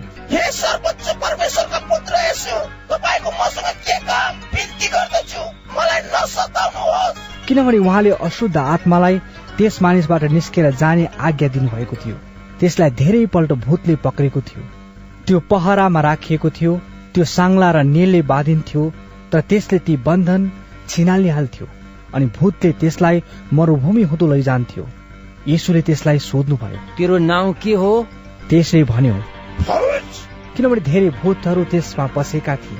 तिनीहरूलाई अतल कुण्डमा नपठाउनु भनी तिनीहरूले उहाँलाई बिन्ती गरे। नजिकको डाँडामा सुँगुरको एक ठुलो बथान चढिरहेको थियो। तब तिनीहरूले सुँगुरभित्र पस्न दिनुहोस् भनी उहाँलाई बिन्ती गरे र उहाँले मन्जुर गर्नुभयो। अनि भूतहरू त्यस मानिसबाट निस्केर ती सुँगुरहरू भित्र पसे र त्यो बथान भिरालो पाखाबाट हुँदै गएर तल झिलमा खस्यो र डुबेर मरे। अब जे भएको थियो त्यो देखेर सुँगुर चराउनेहरू भागे र गएर सहर र गाउँ हुँदो यो कुरो बताइदिए।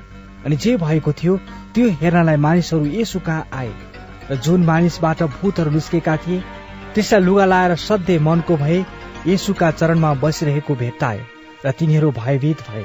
देख्नेहरूले भूत लागेको मानिस कसरी निको भयो सो तिनीहरूलाई बताइदिए। गेरासेनसको आसपासका सबै गाउँका मानिसहरूले यसुलाई तिनीहरूका गाउँबाट गइहाल्नुहोस् भनी बिन्ती गरे किनभने तिनीहरू ज्यादै भयभीत भएका थिए। यसकारण उहाँ ढुङ्गामा चढेर फर्कनु भयो तर जुन मानिसबाट भूतहरू निस्केका थिए त्यसले उहाँको साथमा जान पाऊ भनी उहाँलाई बिन्ती गर्न लाग्यो।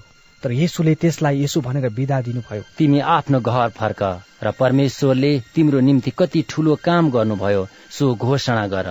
तब त्यो गयो र यसुले त्यसको निम्ति कति ठुलो काम गर्नुभएको थियो सो सारा सहरभरि प्रचार गर्न लाग्यो।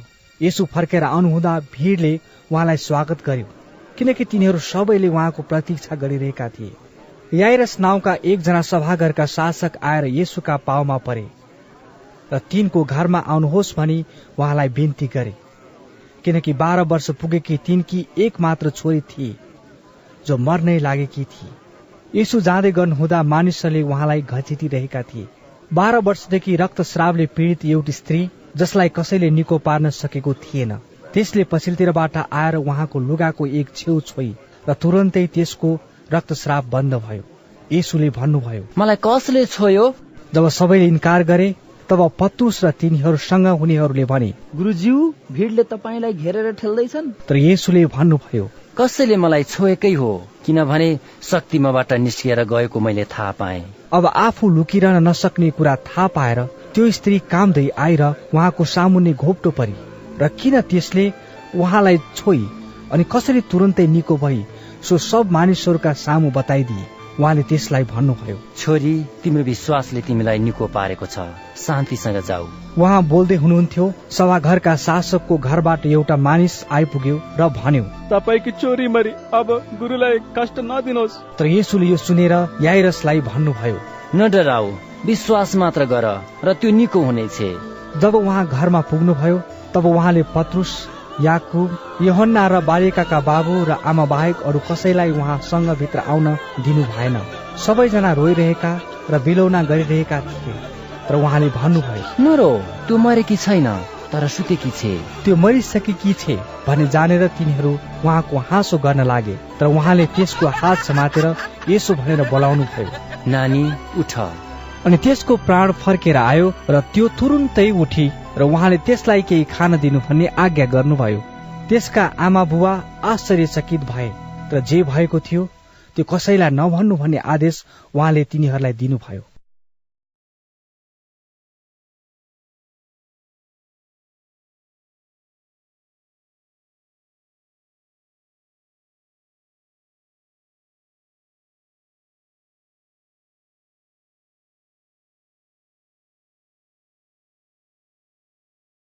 लुका अध्याय नौ। तब उहाँले बाह्र चेलाहरूलाई एकसाथ बोलाउनु भयो र तिनीहरूलाई सबै भूतहरू निकाल्ने र रोगहरू निको पार्ने शक्ति र अधिकार दिनुभयो। उहाँले तिनीहरूलाई परमेश्वरका राज्यको प्रचार गर्न र बिरामीहरू निको पार्न पठाउनु भयो उहाँले तिनीहरूलाई भन्नुभयो तिमीहरूको यात्रामा आफ्नो साथमा केही नल्याऊ न लहुरो न झोली न रोटी न पैसा न ता दुई दौरा साथमा होस्। जुन घरमा तिमीहरू पस्छौ त्यही बस र त्यहीबाट बिदा हो। जहाँ तिमीहरूको स्वागत हुँदैन तिमीहरू त्यस सहरबाट निस्कँदा आफ्ना खुट्टाको धुलो तिनीहरूका विरुद्धमा गवाईको निम्ति टकटक्याइदियो तब तिनीहरू विदा भए र सुसमाचार प्रचार गर्दै र सबै जग्गा रोगीहरूलाई निको पार्दै गाउँ गाउँ गए। यी सबै घटनाका बारेमा सुनेर शासक हेरोद अन्यलमा परे। किनकि यो हुन्ना मृतकबाट जीवित भई उठेका छन् भनेर कसै कसैले भन्थे र कोही भन्थे एलिया देखा परेका छन्। अनि अरूहरूले भन्थे उहिलेका अगमवक्ताहरू मध्ये एकजना उठेका छन्। तब हेरोदले भने योहन्नाको शिर मैले काट्न लगाए तर यिनी को हुन् जसको विषयमा म यस्ता कुराहरू सुन्दैछु। अनि तिनले उहाँलाई भेट्ने इच्छा गरे।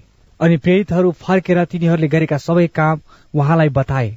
उहाँले तिनीहरूलाई साथमा लिई बेतसेदा भन्ने सहरमा अलग्गै जानुभयो। तर यो थाहा पाएर भिडहरू उहाँको पछि पछि लागे। उहाँले तिनीहरूलाई स्वागत गर्नुभयो र परमेश्वरका राज्यको विषयमा सुनाउनु भयो र जस जसलाई निको हुन आवश्यकता थियो तिनीहरूलाई निको पार्नुभयो। अब दिन ढल्कन लाग्यो र बाह्रै जनाले आएर उहाँलाई भने भिडलाई बिदा दिनुहोस् र तिनीहरू गएर आसपासका बस्ती र गाउँ हुँदो बास बस्छुन् र भोजनको व्यवस्था गरून् किनकि यहाँ हामी निर्जन ठाउँमा छौँ। तर उहाँले तिनीहरूलाई भन्नुभयो तिमीहरूले नै तिनीहरूलाई खाना दियो। तब तिनीहरूले भने हामीहरूसित पाँचवटा रोटी र दुईवटा माछा मात्र छन्। नभए हामी गएर यी सबै मानिसका लागि भोजन किन्नु पर्ला। तिनीहरू प्राय पाँच हजार जति पुरुषहरू थिए। तब उहाँले आफ्ना चेलाहरूलाई भन्नुभयो तिनीहरूलाई पचास पचासको पंक्तिमा बसाओ। तिनीहरूले त्यसै गरे र सबैलाई बसाए। तब उहाँले ती पाँचवटा रोटी र दुईवटा माछा लिएर स्वर्गतिर हेरी आशीर्वाद दिनुभयो र भाँचेर मानिसहरूलाई बाँडिदिनु भनी चेलाहरूलाई दिनुभयो। अनि सबैले खाए तृप्त भए र चेलाहरूले उब्रेका टुक्राहरू बाह्र डाला उठाए। एकपल्ट यसु एक्लै प्रार्थना गरिनुभएको थियो। चेलाहरू उहाँसँग थिए र उहाँले तिनीहरूलाई सोध्नुभयो मानिसहरूले मलाई को हो भन्छन्? तिनीहरूले भने कसैले युहुन्ना बत्तिसमा दिने भन्छन् कसैले एलिया र अरूहरूले भन्छन् पहिलेका कोही अगमवक्ताहरू मध्ये एकजना फेरि उठेका छन्। उहाँले तिनीहरूलाई भन्नुभयो तर तिमीहरू चाहिँ के भन्छौ? म को हुँ? तब पत्रुसले जवाफ दिएर भने परमेश्वरका ख्रिस्ट। तब उहाँले तिनीहरूलाई आज्ञा दिनुभयो र साथै चेतावनी दिनुभयो कि तिनीहरूले यो कुरा कसैलाई नभनुन्। अनि उहाँले भन्नुभयो मानिसको पुत्रले धेरै दुःख उठाउनु पर्छ र उनी धर्मगुरुहरू मुख्य पुजारीहरू र शास्त्रीहरूबाट बहिष्कृत हुनेछ मारिनेछ र तेस्रो दिनमा मृतकबाट जीवित भई उठ्नेछ। तब उहाँले सबैलाई भन्नुभयो कोही म पछि आउने इच्छा गर्छ भने त्यसले आफूलाई इन्कार गरोस् र दिनहुँ आफ्नो क्रुस बोकेर मेरो पछि लागोस्। किनकि जसले आफ्नो प्राण बचाउने इच्छा गर्छ त्यसले त्यो गुमाउनेछ तर जसले मेरो खातिर आफ्नो प्राण गुमाउँछ त्यसले त्यो बचाउनेछ।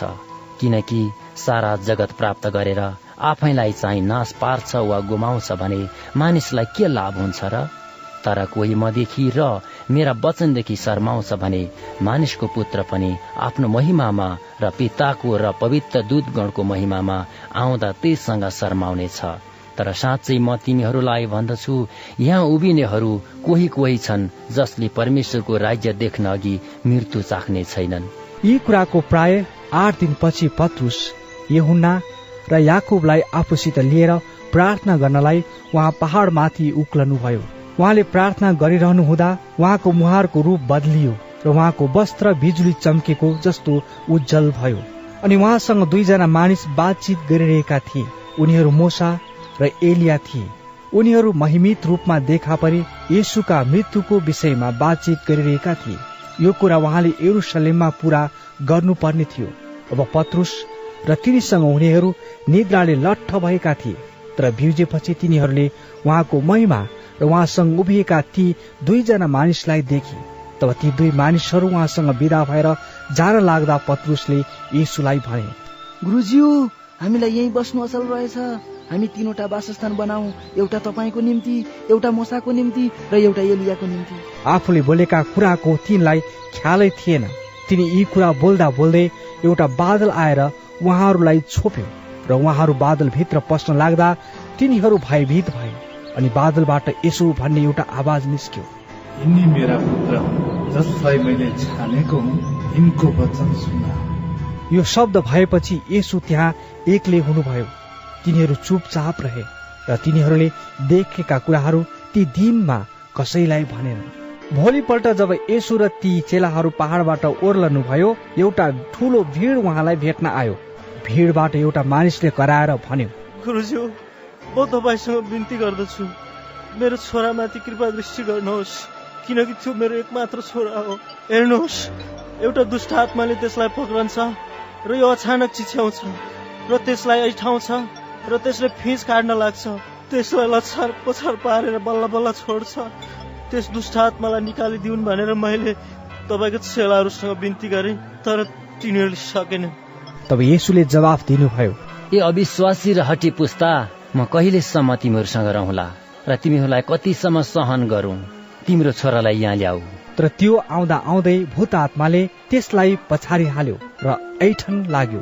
तर येसुले त्यस अशुद्ध आत्मालाई हकार्नु भयो र त्यस बालकलाई निको पारेर त्यसका बाबुलाई सुम्पिदिनु भयो परमेश्वरको महानता देखेर तिनीहरू सबै छक्क परे।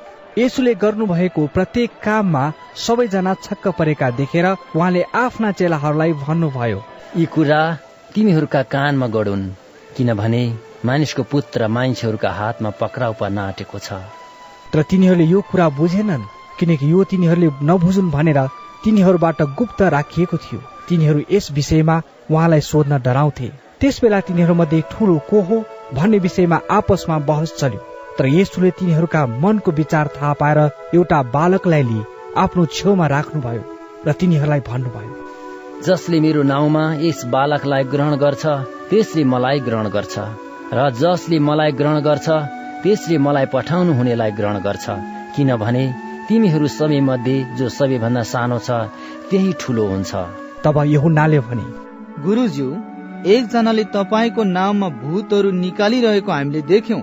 र हामीले त्यसलाई मनाइ गर्यौं किनकि त्यसले हामीहरूसँग तपाईँको अनुसरण गर्दैन। तर येसुले तिनलाई भन्नुभयो तिनलाई मनाइ नगर किनभने जो तिम्रो विरुद्धमा छैन त्यो तिम्रो पक्षमा हुन्छ। उहाँको स्वर्गारोहणको दिन नजिकै आइपुग्दा उहाँले एरुसलेमतिरै जाने अठोट गर्नुभयो अनि उहाँले समाचार लाने मानिसहरूलाई पहिलेबाटै पठाउनुभयो। तिनीहरू गए र उहाँको निम्ति सबै कुरा तयार पार्नलाई सामरीहरूको एउटा गाउँमा पसे। त एरुसलेमतिर जाने उहाँको दृढ विचार थाहा पाएर तिनीहरूले उहाँलाई स्वागत गरेनन्। तब यो देखेर उहाँका चेलाहरू याकुब र यहुन्नाले भने प्रभुज्यू के तपाईँ चाहनुहुन्छ कि स्वर्गबाट आगो वर्षाएर यिनीहरू भस्म हुन् भनी हामी आज्ञा गरौं? तर फर्केर उहाँले तिनीहरूलाई हप्काउनु भयो अनि उहाँहरू अर्को गाउँतिर जानुभयो।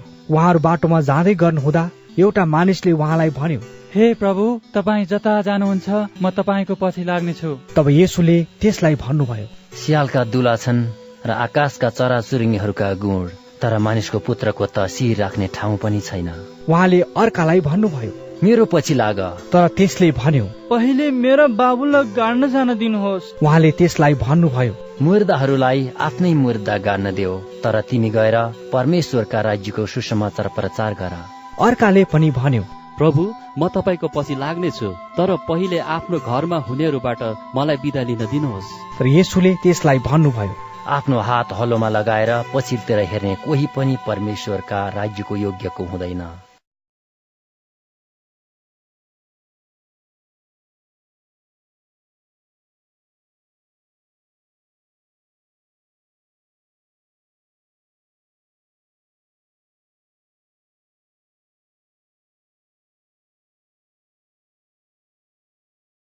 लुका अध्याय दस।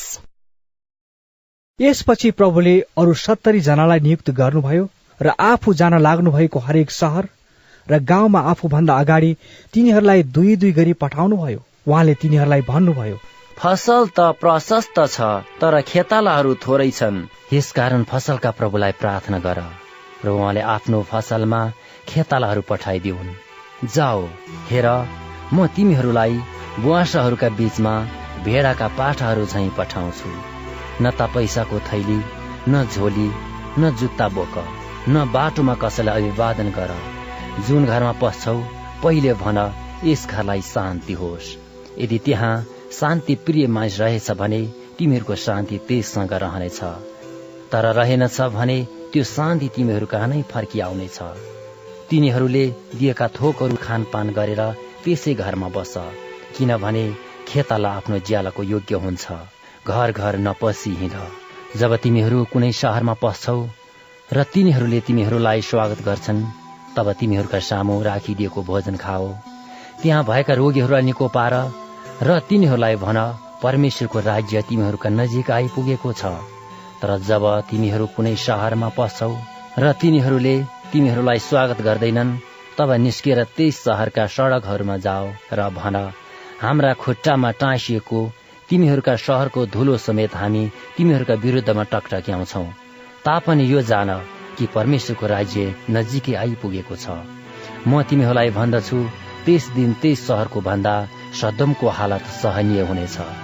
धिक्कार तँलाई खोराजिन धिक्कार तँलाई बेसेदा किनकि तिमीहरूमा भएका सामर्थ्यका काम टुरुस र सिदोनमा गरिएको भएदेखि तिनीहरूले अघि नै भाङ्रा लाएर खरानीमा बसी पश्चाताप गर्ने थिए।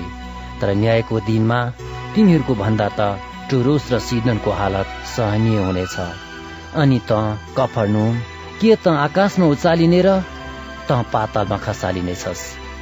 जसले तिमीहरूका कुरा सुन्छ त्यसले मेरो कुरा सुन्छ। जसले तिमीहरूलाई अस्वीकार गर्दछ त्यसले मलाई अस्वीकार गर्दछ। र जसले मलाई अस्वीकार गर्दछ त्यसले मलाई पठाउनु हुनेलाई अस्वीकार गर्दछ। ती सत्तरी जना आनन्द साथ फर्केर आई यसो भने प्रभुज्यू तपाईँको नाममा भूतहरू पनि हाम्रा बसमा आउँछन्। उहाँले तिनीहरूलाई भन्नुभयो मैले सैतानलाई स्वर्गबाट बिजुली झैँ खसिरहेको देखेँ। मैले तिमीहरूलाई सर्पहरू र बिच्छीहरू कुल्चनेर शत्रुको सारा शक्तिमाथि अधिकार दिएको छु र कुनै कुराले तिमीहरूलाई हानि गर्ने छैन।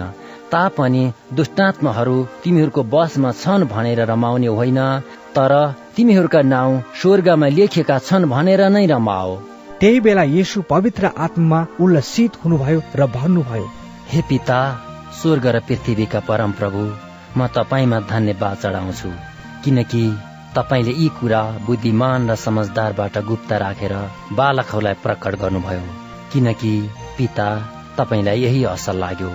मेरा पिताले सबै थोक मलाई सुम्पिदिनु भएको छ। पुत्र को हो भनी पिता बाहेक कसैले जान्दैन। पिता को हुनुहुन्छ भनी पुत्रले बाहेक र पुत्रले उहाँलाई जस कहाँ प्रकट गर्ने इच्छा गर्दछ त्यसले बाहेक अरू कसैले जान्दैन। चेलाहरूतिर फर्काएर उहाँले तिनीहरूलाई गुप्तमा भन्नुभयो। धन्य हुन् ती आँखा जसले तिमीहरूले देखेका यी कुराहरू देख्दछन्।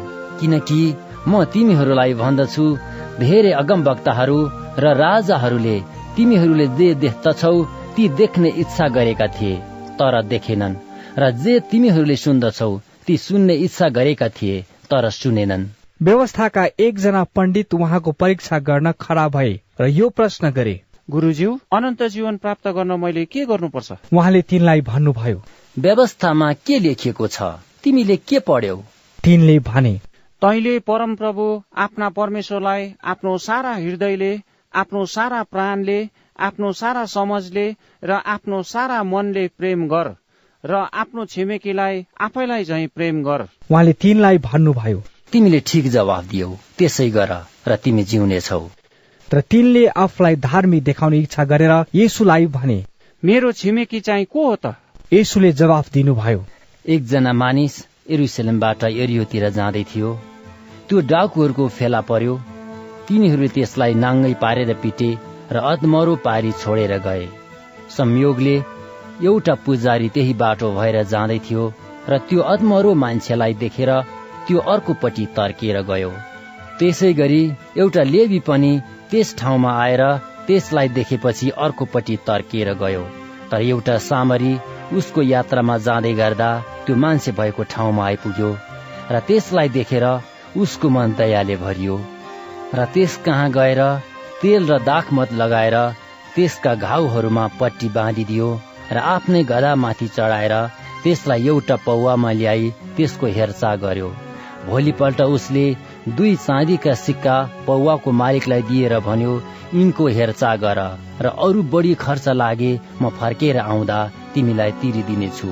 येसुले सोध्नुभयो तिम्रो विचारमा यी तीनजना मध्ये डाकुहरूका हातमा पर्ने मानिसको छिमेकी कुन चाहिँ ठहरियो तिनले भने त्यस मानिसमाथि दया देखाउने चाहिँ। तब येसुले तिनलाई भन्नुभयो जाऊ तिमी पनि त्यसै गर।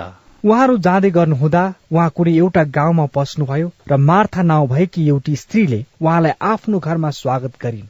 मरियम नाउँ भएकी तिनकी एउटी बहिनी थिइन्। तिनी येसुका पाउनेर बसेर उहाँको वचन सुन्दथिन् तर मार्था सेवा सत्कारको धेरै काममा अल्झेकी थिइन्। तिनले येसु कहाँ आएर भनिन् प्रभुज्यू मेरी बहिनीले सेवा सत्कारको काममा मलाई एक्लै पारेकी छिन्। तपाईँ वास्ता राख्नुहुन्न त्यसलाई भनिदिनुहोस् र त्यसले मलाई सघाओस्। तर येसुले जवाफ दिएर तिनलाई भन्नुभयो मार्था मार्था तिमी धेरै कुराका विषयमा चिन्ता गर्छौ र व्याकुल हुन्छौ तर आवश्यकता एउटै कुराको छ। त्यही असल कुरा मरियमले छानेकी छे जो उसबाट खोसिने छैन।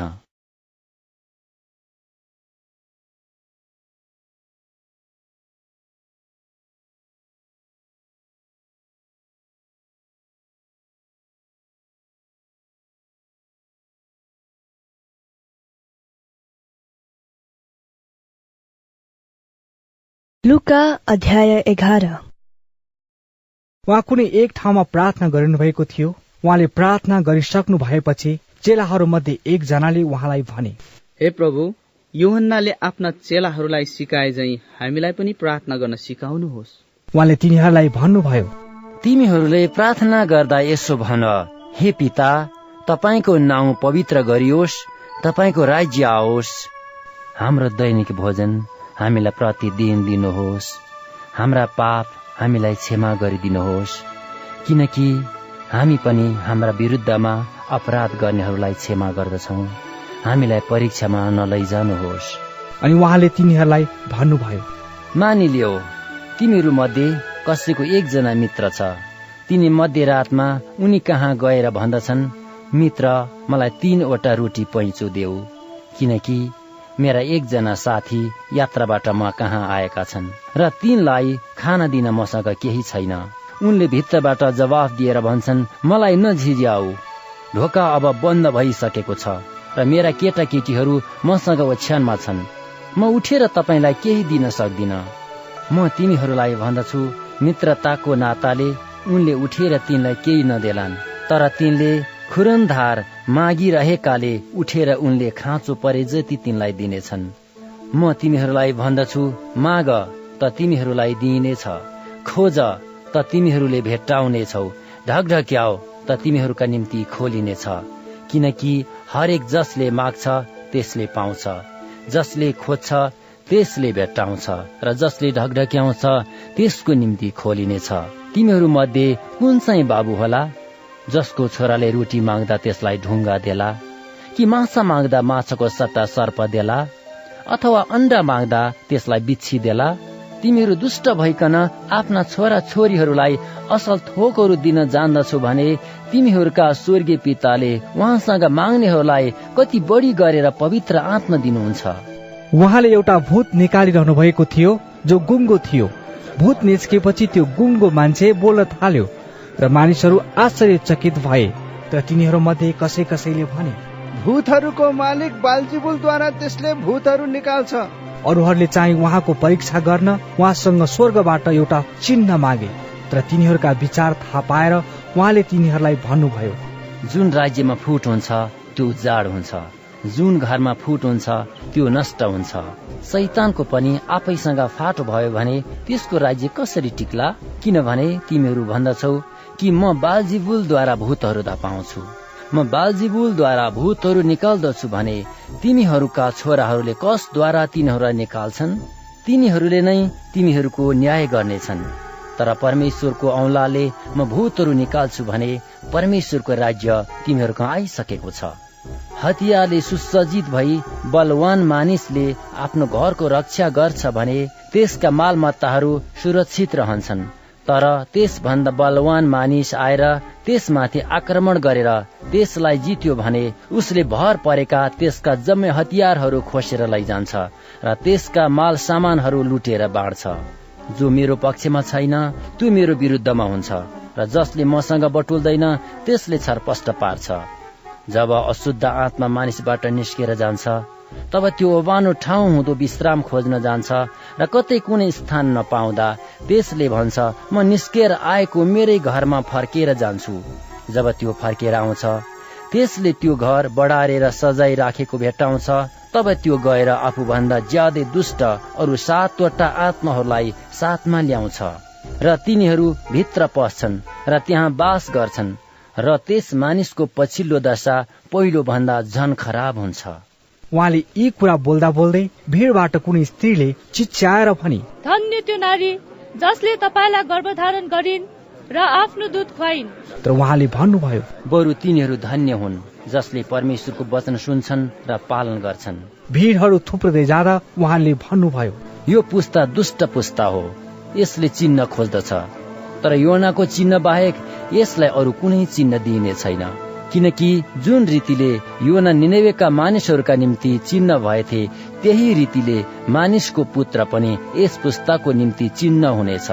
न्यायमा यस पुस्ताका मानिसहरूसँग दक्षिण देशी रानीले उठेर यिनीहरूलाई दोषी ठहराउने छिन् किनकि तिनी पृथ्वीको पल्लो छेउबाट सोलोमनको बुद्धि सुन्नलाई आएकी थिइन्। तर हेर यहाँ एकजना छ जो सोलोमन भन्दा महान छ। निनवेका मानिसहरूले न्यायमा यस पुस्तसँग खडा भएर यसलाई दोषी ठहराउने छन् किनकि तिनीहरूले योनाको प्रचारमा पश्चाताप गरेथे र हेर यहाँ एकजना छ जो योना भन्दा महान छ। कसैले बत्ती बालेर गुप्त स्थानमा अथवा भाँडा मुनि राख्दैन? तर भित्र पस्नेहरू सबैले उज्यालो देखुन् भनेर सामदानमा राख्दछ। तिम्रो शरीरको बत्ती तिम्रो आँखा हो। तिम्रो आँखा ठिक छ भने तिम्रो सारा शरीर उज्यालो हुन्छ तर त्यो खराब छ भने त तिम्रो शरीर पनि अँध्यारो हुन्छ। यसकारण होसियार हो। तिमीमा भएको उज्यालो अँध्यारो नहोस्। यदि तिमीहरूको सम्पूर्ण शरीर उज्यालोले पूर्ण छ भने तथा कुनै भाग अँध्यारो छैन भने त्यो सम्पूर्ण उज्यालो हुन्छ। जसरी बत्तीको किरणले तिमीहरूलाई उज्यालो दिन्छ। यसु बोलिसक्नु भएपछि एकजना फरिसीले उहाँलाई भोजनमा निम्तो गरे। उहाँ घरभित्र पसेर खान बस्नुभयो। तर खाना अघि उहाँले हात नधुनु भएको देखेर ती फरिसी छक्क परे। तर प्रभुले तिनलाई भन्नुभयो तिमी फरिसीहरू कचौरा र थालको बाहिरपट्टि त माझ्दछौ तर तिमीहरूको भित्र चाहिँ लुट र दुष्टताले भरिएको हुन्छ। मूर्ख मानिस हो जसले बाहिरको भाग बनायो त्यसले नै भित्रको पनि बनाएको होइन र तर भित्रका थोक दान स्वरूप दियो र तिम्रो निम्ति सबै कुरा शुद्ध हुनेछ। तर तिमी फरिसीहरूलाई धिक्कार किनकि तिमीहरू पुदिना र आरुद र हरेक जरीबुटीको दशांश दिन्छौ तर न्याय र परमेश्वरका प्रेमको उपेक्षा गर्दछौ। तर अरू कामको पनि उपेक्षा नगरी यी काम पनि तिमीहरूले गर्नुपर्ने थियो।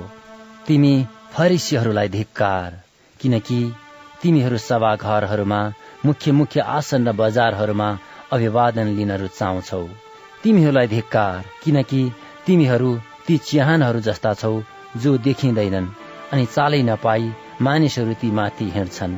व्यवस्थाका पण्डितहरू मध्ये एकजनाले उहाँलाई भने गुरुज्यू यी कुरा गरेर तपाईँले त हाम्रो पनि बेज्जत गर्नुहुन्छ।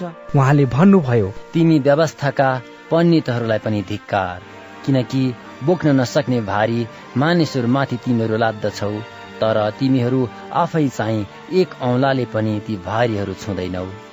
तिमीहरूलाई धिक्कार किनकि तिमीहरूका पुर्खाहरूले मारेका अगमवक्ताहरूका चिहान तिमीहरू बनाउँछौ। यसरी तिमीहरू आफ्ना पुर्खाहरूका काममा साक्षी छौ र तिनीहरूसँग सहमत हुन्छौ किनकि तिनीहरूले उनीहरूको हत्या गरे र तिमीहरू चाहिँ उनीहरूका चिहान बनाउँछौ। यसैले परमेश्वरको बुद्धिले पनि भन्दछ म तिनीहरू कहाँ अगमवक्ताहरू र प्रेरितहरू पठाउने छु उनीहरू मध्ये कसैलाई तिनीहरूले मार्नेछन् र कसैलाई सताउनेछन्? संसारको सुरुदेखि सबै अगमवक्ताहरूका रक्तपातको लेखा यस पुस्तासँग लिइनेछ। हो म तिमीहरूलाई भन्दछु हाबिलको रगतदेखि लिएर वेदी र मन्दिरको पवित्र स्थानको माझमा मारिएका जकरियासम्मका रगतको लेखा यस पुस्ताबाट लिइनेछ। तिमी व्यवस्थाका पण्डितहरूलाई धिक्कार किनकि तिमीहरूले ज्ञानको साँचो लिन त लियौ तर तिमीहरू आफै पनि भित्र प्रवेश गरेनौ अनि अरू पस्नेहरूलाई पनि रोक्यौ। जब उहाँ त्यहाँबाट निस्कनु भयो तब शास्त्रीहरू र फरिसीहरूले उहाँको घोर विरोध गर्दै धेरै विषयहरूमा उहाँलाई प्रश्न गर्न थाले र उहाँको मुखबाट निस्केका कुरामा उहाँलाई पक्रने दाउमा बसे।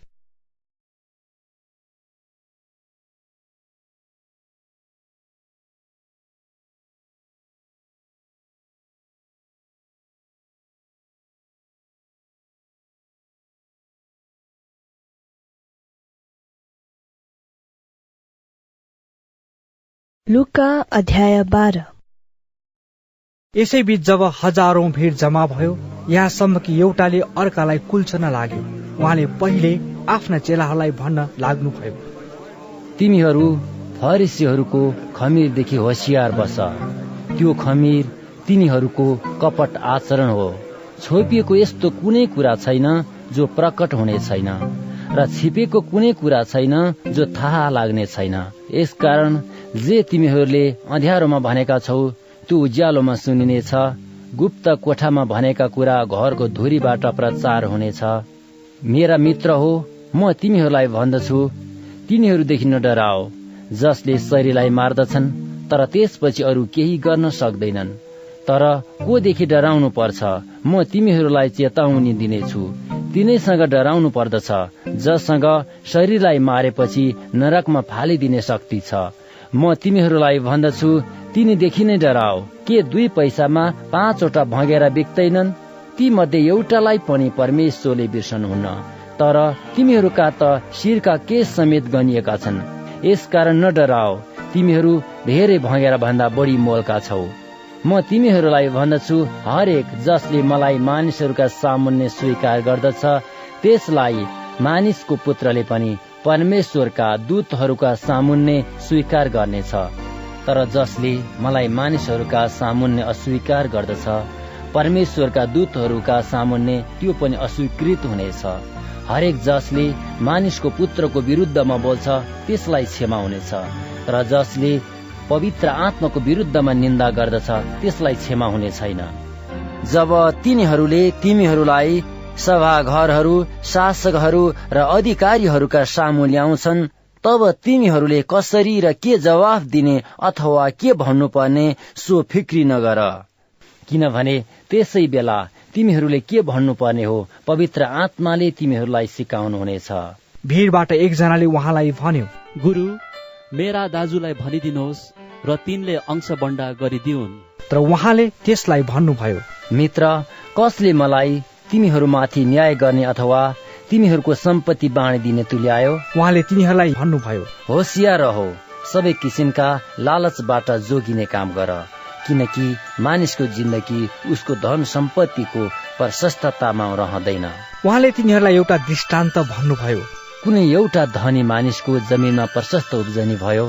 त्यसले मनमनै गुन्न लाग्यो। उहाँले तिनीहरूलाई एउटा दृष्टान्त भन्नुभयो। मेरो अन्न राख्ने ठाउँ मसित छैन। अब म के गरौँ? तब त्यसले भन्यो म यसो गर्नेछु। आफ्ना ढुकुटीहरू भत्काएर झन ठुला ठुला बनाउने छु र मेरा सबै अनाज र मालताल त्यही राख्नेछु। अनि म आफ्नो प्राणलाई भन्नेछु ए प्राण धेरै वर्षसम्म पुग्ने प्रशस्त सम्पत्ति तेरो निम्ति थुप्रिएको छ। सुख चैनमा बस खा पी र मोज गर। तर परमेश्वरले त्यसलाई भन्नुभयो ए मूर्ख आज राति नै तेरो प्राण तँबाट लिइनेछ। र जे कुराहरू तैँले आफ्नो निम्ति थुपारेको छस् ती कसको हुने? आफ्नो निम्ति धन सम्पत्ति थुपार्ने तर परमेश्वरको दृष्टिमा धनी नहुने मान्छेको अवस्था यस्तै हुन्छ। उहाँले आफ्ना चेलाहरूलाई भन्नुभयो यसै कारण म तिमीहरूलाई भन्दछु आफ्नो प्राणको निम्ति के खाउँ र शरीरको निम्ति के पहिरौँ भनी चिन्तित नहो किनकि प्राण भोजन भन्दा र शरीर वस्त्र भन्दा ठुलो हो। कागहरूलाई विचार गर तिनीहरू न ता छर्दछन् न कटनी गर्दछन्। तिनीहरूको नता भण्डार न ढुकुटी नै छ तर पनि परमेश्वरले तिनलाई खुवाउनुहुन्छ। तिमीहरू चराचुरुङ्गी भन्दा ज्यादै बढी मोलका छौ। तिमीहरू मध्ये कसले फिक्री गरेर आफ्नो आयुमा एक घडीसम्म पनि थप्न सक्छ? यसकारण तिमीहरू त्यतिको सानो काम पनि गर्न सक्दैनौ भने अरू कुराको चिन्ता किन गर्दछौ? लिली फुललाई विचार गर। कसरी तिनीहरू न ता परिश्रम गर्छन् न काट्छन् तर म तिमीहरूलाई भन्दछु सोलोमन राजा पनि आफ्नो सारा गौरवमा यी मध्ये एउटा जतिको पनि विभूषित थिएनन्। तर आज हुने र भोलि आगोमा फालिने मैदानको घाँसलाई परमेश्वरले यसरी आभूषित गर्नुहुन्छ भने ए अल्पविश्वासी हो उहाँले तिमीहरूलाई झन कति बढी आभूषित गर्नुहुनेछ। के खाउला कि के पिउला भने तिमीहरू खोजीमा नबस। र चिन्तित पनि नहौ किनकि संसारका सबै मानिसहरू यी कुराहरूको खोजीमा रहन्छन्। तिमीहरूका पिताले जान्नुहुन्छ कि तिमीहरूलाई यी कुराहरूको खाँचो छ। तर परमेश्वरका राज्यको खोजी गर र यी सबै कुराहरू पनि तिमीहरूलाई दिइनेछन्। सानो बगाल न डराओ किनभने तिमीहरूलाई राज्य दिन तिमीहरूका पिता प्रसन्न हुनुहुन्छ। तिमीहरूको सम्पत्ति बेचेर भिक्षा देऊ आफ्नो निम्ति थोत्रो नहुने थैलीहरू बनाओ। स्वर्गमा कहिल्यै नष्ट नहुने धन स्वर्गमा सञ्चय गर। त्यहाँ चोर आउँदैन र किरा पनि लाग्दैन। किनकि जहाँ तिम्रो धन छ त्यही तिम्रो मन पनि हुनेछ। तिमीहरूका आफ्ना कम्मर कस र तिमीहरूका बत्ती बाली राख।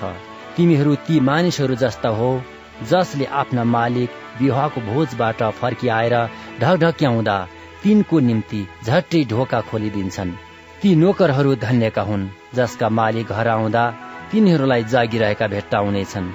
साँच्चै म तिमीहरूलाई भन्दछु तिनले आफ्नो पटुका कसेर तिनीहरूलाई खाना बसाउनेछन् र आएर तिनीहरूको सेवा गर्नेछन्। यदि तिनी मध्यरात वा त्यसभन्दा अझ ढिलो आउँदा पनि नोकरहरूलाई जागै भेट्टाए भने तिनीहरू धन्यका हुन्। तर यो जान कि चोर कुन बेला आउँछ भनेर घरका मालिकले जानेका भए तिनी जागा बस्ने थिए र चोरलाई घर फोरेर पस्न दिने थिएनन्। तिमीहरू पनि तयार रहो किनकि तिमीहरूले नचिताएको बेलामा मानिसको पुत्र आउनेछ। त पत्रुसले भने हे प्रभु के यो दृष्टान्त हाम्रै निम्ति मात्र बताउनु भएको हो कि अरू सबैका निम्ति? प्रभुले भन्नुभयो त्यो विश्वासी र बुद्धिमानी भण्डारे को हो जसलाई त्यसका मालिकले आफ्नो परिवारलाई निश्चित समयमा तिनीहरूका भागमा पर्ने भोजन दिनलाई खटाउनेछन्? त्यो दास धन्यको हो जसलाई त्यसका मालिक आउँदा त्यसै गरिरहेको भेट्टाउनेछन्। साँच्चै म तिमीहरूलाई भन्दछु तिनले त्यसलाई आफ्ना सारा सम्पत्तिमाथि अधिकार दिनेछन्। तर त्यस दासले आफ्नो मनमा मेरा मालिक आउन ढिलाउनु हुनेछ भनेर कमारा र कमारीहरूलाई पिट्न लाग्यो र त्यो खान पिउन र मात्न लाग्यो भने त्यसले आशा नगरेको दिन र नचिताएको घड़ीमा त्यसका मालिक आउनेछन् र त्यसलाई दण्ड दिनेछन् र त्यसको दशा अविश्वासीहरूको जस्तो हुनेछ। आफ्नो मालिकको इच्छा जानेर तयार नरहने र तिनको इच्छा बमोजिम नगर्ने चाहिँ दासले ज्यादै पिटाई खानेछ। तर मालिकको इच्छा नजानेर पिटाई खाने योग्यको काम गर्नेले थोरै पिटाई खानेछ। प्रत्येक जसलाई धेरै दिएको छ त्यसबाट धेरै मागिनेछ र हरेक जसलाई धेरै सुम्पिएको छ त्यसबाट अझ बढी लिइनेछ। म पृथ्वीमाथि आगो खन्याउन आएको हुँ। त्यो त बरु अघिबाटै सल्किसकेको भए हुने थियो। एउटा बत्तिसमा छ जो मैले लिनुपर्नेछ त्यो पूरा नहुन्जेल म अति व्याकुल छु। के तिमीहरू सम्झन्छौ कि म पृथ्वीमा शान्ति ल्याउन आए? होइन म तिमीहरूलाई भन्दछु बरु म विभाजन ल्याउन आए। किनभने अब उसो एक परिवारमा पाँचजना एक अर्कामा विभाजित हुनेछन् तीनजनाका विरुद्धमा दुई र दुईजनाका विरुद्धमा तीन। तिनीहरूमा विभाजन हुनेछ। बाबुको विरुद्धमा छोरा र छोराको विरुद्धमा बाबु आमा छोरीको विरुद्धमा र छोरी आमाको विरुद्धमा सासु आफ्नी बुहारीको विरुद्धमा र बुहारी त्यसकी सासूको विरुद्धमा। उहाँले भिडलाई पनि भन्नुभयो। तिमीहरू पश्चिमतिर बादल उठ्दै गरेको देखेर झट्टै भन्दछौ पानी पर्ने रहेछ। र त्यसै हुन्छ जब दक्षिणी बतास चल्छ तब तिमीहरू भन्छौ गर्मी हुनेछ। र त्यसै हुन्छ एक कप टी हो तिमीहरू आकाश र पृथ्वीका लक्षणहरू बताइदिन सक्छौ। तर वर्तमान समयको अर्थ लाउन किन जान्दैनौ? कुन कुरा ठिक हो भनेर तिमीहरू आफै किन निर्णय गर्दैनौ? तिमीहरूको उजुरवालासँग हाकिम कहाँ जाँदा? बाटैमा त्यससँग मिलाप गर। नत्र त्यसले तिमीलाई न्यायाधीश कहाँ तानेर लैजानेछ? र न्यायाधीशले तिमीलाई अफिसरको हातमा जिम्मा दिनेछ र अफिसरले तिमीलाई झ्यालखानमा हालिदिनेछ। म तिमीलाई भन्दछु तिमीले एक एक पैसा नतिरुन्जे त्यहाँबाट छुट्ने छैनौ।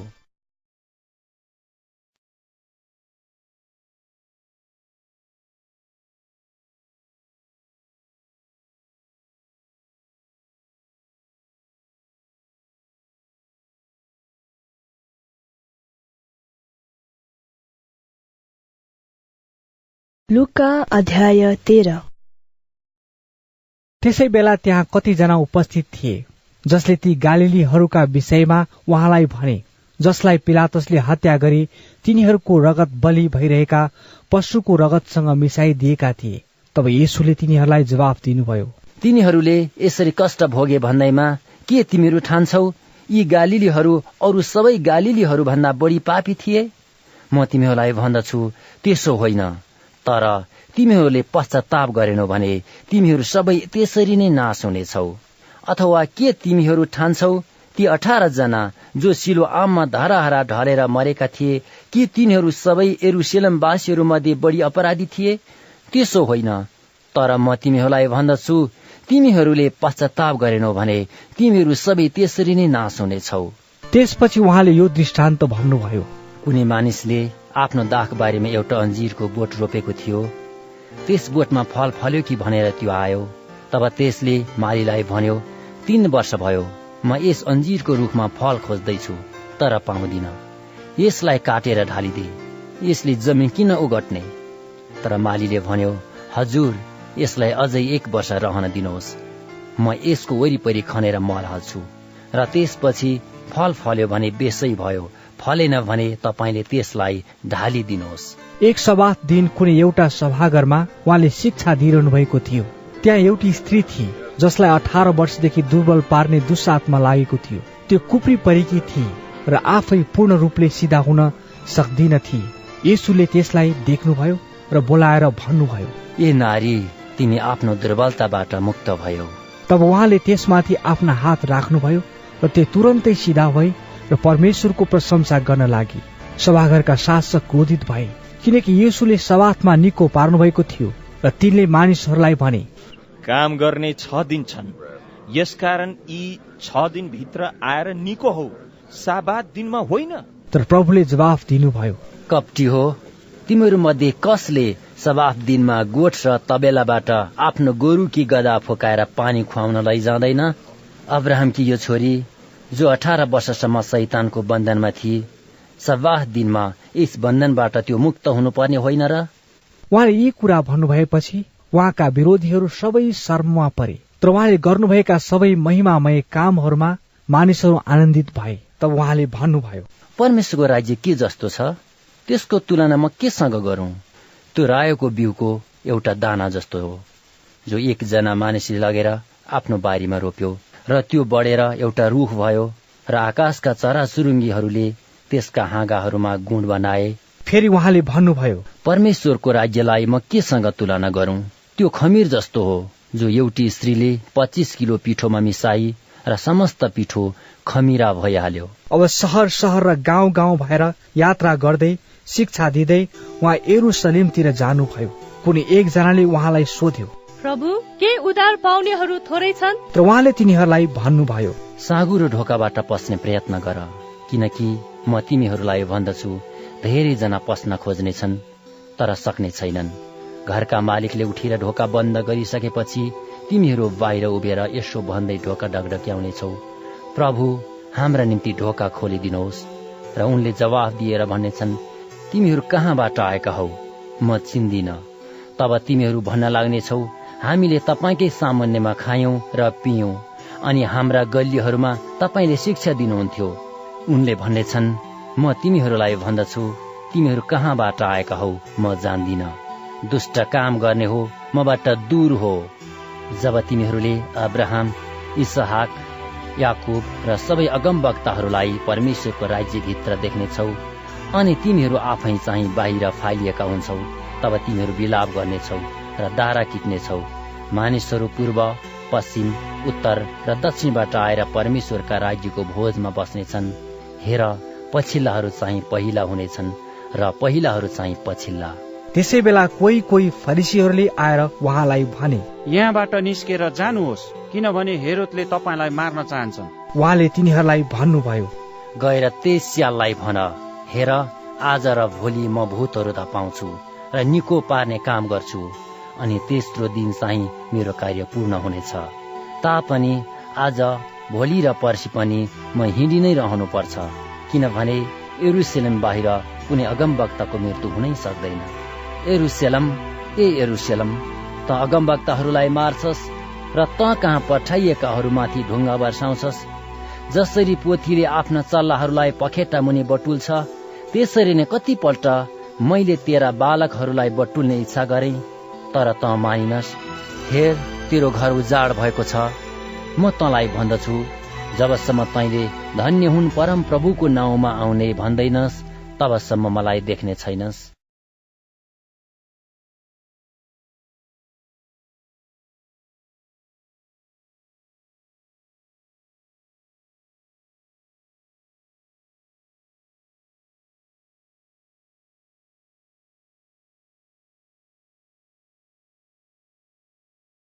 लुका अध्याय चौध। एक सबात उहाँ फरिसीहरूका कुनै एकजना शासकको घरमा खान जानुभयो। फरिसीहरू उहाँको छेवामा बसिरहेका थिए। जलग्रह रोगले पीडित एकजना मानिस उहाँको सामुने थियो। यसोले व्यवस्थाका पण्डितहरू र फरिसीहरूलाई सोध्नुभयो सबाथमा निको पार्नु उचित छ कि छैन? तर तिनीहरू चुप लागिरहे र उहाँले त्यस रोगीको शरीरमा हात राखी निको पार्नुभयो र त्यसलाई जान दिनुभयो। त उहाँले तिनीहरूलाई भन्नुभयो तिमीहरू मध्ये कसले आफ्नो गोरु वा गधा सबाह दिनमा इनारमा खस्यो भने त्यसलाई झट्टै निकाल्दैन? अनि तिनीहरूले यस कुराको जवाफ दिन सकेनन्। अनि भोजमा आएका अतिथिहरूले आदरको स्थान छानेका देखेर उहाँले तिनीहरूलाई एउटा दृष्टान्त भन्नुभयो विवाहको भोजमा तिमीले कसैको निम्तो पायो भने आदरका स्थानमा नबस। तिमी भन्दा बढी प्रतिष्ठित व्यक्तिले त्यहाँ निम्तो पाएका होलान्। तिमीलाई र तिनलाई निम्तो दिने मेजमानले आएर तिमीलाई भन्नेछ यिनलाई बस्ने ठाउँ देऊ र तिमी चाहिँ लज्जित भएर सबैभन्दा तल्लो स्थानमा बस्नु पर्नेछ तर जब तिमीले निम्तो पाउँछौ गएर तल्लो ठाउँमा बस र मेजमानले आएर तिमीलाई भन्नेछ ए मित्र माथि गएर बस्नुहोस्। त्यस बेला तिमीसँग खान बस्नेहरूका सामुन्ने तिम्रो इज्जत हुनेछ। किनकि हरेक जसले आफूलाई उच्च तुल्याउँछ त्यो होच्याइनेछ। र आफूलाई होच्याउने चाहिँ उच्च पारिनेछ अनि उहाँलाई निम्तो दिनेलाई पनि उहाँले भन्नुभयो।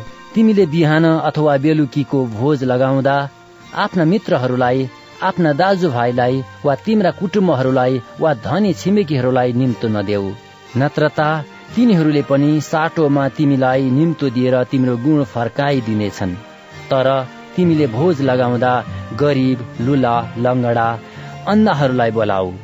र तिमीले आशिष पाउनेछौ किनकि तिनीहरूले तिम्रो गुण फर्काउन सक्दैनन्। तर मृत्युबाट धर्मीहरूको पुनरुत्थान हुँदा तिमीले यसको प्रतिफल पाउनेछौ। उहाँसँग खान बस्नेहरूमध्ये एकजनाले यी कुरा सुनेर उहाँलाई भन्यो त्यो धन्य हो जसले परमेश्वरको राज्यमा भोज खानेछ। तर उहाँले त्यसलाई भन्नुभयो कुनै एउटा मानिसले बेलुकीको एउटा विराट भोज तयार गर्यो र धेरैलाई निम्तो दियो। उसले आफ्नो नोकरलाई भोजन खाने सरी। उसले आफ्नो नोकरलाई भोजन खाने बेलामा निम्ताराहरूलाई यसो भन्न पठायो आउनुहोस् अब सब थोक तयार छ। तर तिनीहरू सबैले समान रूपले एक नाशको बहाना बनाउन लागे। पहिलाले त्यसलाई भन्यो मैले एउटा खेत किनेको छु। मलाई त्यो हेर्न जानु परेको छ। म बिन्ती गर्दछु। मलाई माफी होस्। अनि अर्काले भन्यो मैले पाँच हल गोरु किनेको छु। म ती हेर्न जान्छु। म बिन्ती गर्दछु। मलाई माफी होस्। अर्काले भन्यो मैले विवाह गरेको छु यसकारण म आउन सक्दिन। तब नोकरले आएर आफ्नो मालिकलाई यो कुरा भनिदियो। तब घरको मालिकले रिसाएर आफ्नो नोकरलाई भन्यो सहरका सड़कहरू र गल्लीहरूमा चाँडो जा र गरिबहरू लुलाहरू अन्धाहरूलाई लङ्गडाहरूलाई यहाँ भित्र ले तब नोकरले भन्यो हजुरले आज्ञा गर्नुभए बमोजिम काम भएको छ तर अझै ठाउँ खाली छ। मालिकले नोकरलाई भन्यो मूल सड़कहरू र गल्लीहरू हुँदो गएर मानिसहरूलाई भित्र आउन कर लगा र मेरो घर भरियोस्। किनभने म तिमीहरूलाई भन्दछु निम्ताराहरू मध्ये कसैले पनि मेरो भोजको स्वाद चाख्न पाउने छैन। मानिसहरूको ठूलो भीड़ उहाँको साथ जाँदै थियो र उहाँले फर्केर तिनीहरूलाई भन्नुभयो यदि कोही म कहाँ आउँछ र आफ्ना बाबुआमा पत्नी छोरा छोरीहरू र दाजुभाइ दिदी बहिनीहरूलाई र आफ्नै प्राणलाई समेत तुच्छ ठान्दैन भने त्यो मेरो चेला हुन सक्दैन। जुन व्यक्ति आफ्नो क्रुस बोकेर मेरो पछि लाग्दैन त्यो मेरो चेला हुन सक्दैन। तिमीहरू मध्ये कसैले एउटा धरहरा बनाउने इच्छा गर्छ भने त्यो धरहरा बनाइ सिध्याउने खर्च आफूसित छ कि छैन भनी के त्यसले पहिले नै बसेर हिसाब लाउँदैन र? नत्र भने त्यसले जग बसालेपछि सिध्याउन सकेन भने देख्नेहरू सबैले यसो भनेर त्यसको गिल्ला गर्न लाग्नेछन्। यस मानिसले बनाउन त थाल्यो तर सिध्याउन सकेन। कुन राजा होला जसले अर्को राजासँग लडाईँ गर्न जाँदा आफ्नो साथ भएका दस हजारले त्यसको विरुद्ध आउने बीस हजारसँग लडाईँ गर्न सक्छु कि सक्दिन भनी पहिले बसेर सल्लाह गर्दैन? तिनले नसक्ने हो भने त्यो अर्को राजा टाढै हुँदा मिलापको शर्त सोध्न राजदूत पठाउनेछ। यसकारण तिमीहरू मध्ये जसले आफूसित भएका सबै थोक त्याग्दैन त्यो मेरो चेला हुन सक्दैन। नुन असल हो तर नुन अलिनो भयो भने केले त्यो नुनिलो हुने? त्यो न त जमिनको निम्ति न खादको निम्ति काम लाग्ने हुन्छ। मानिसहरूले त्यसलाई मिल्काइदिन्छन्। जसको सुन्ने कान छ त्यसले सुनोस्।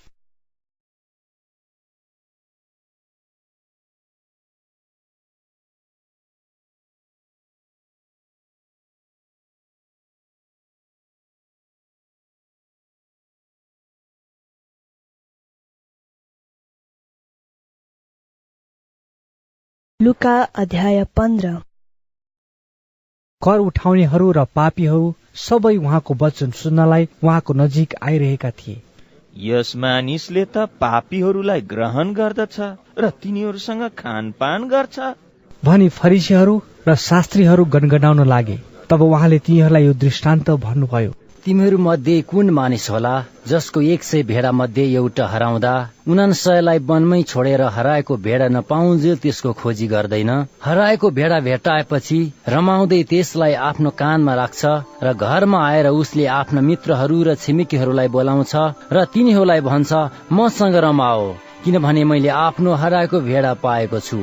म तिमीहरूलाई भन्दछु यसरी पश्चाताप गर्नु नपर्ने उनान्सय धार्मिक जनहरूका लागि भन्दा पश्चाताप गर्ने एकजना पापीको लागि स्वर्गमा अझ बढी आनन्द हुनेछ।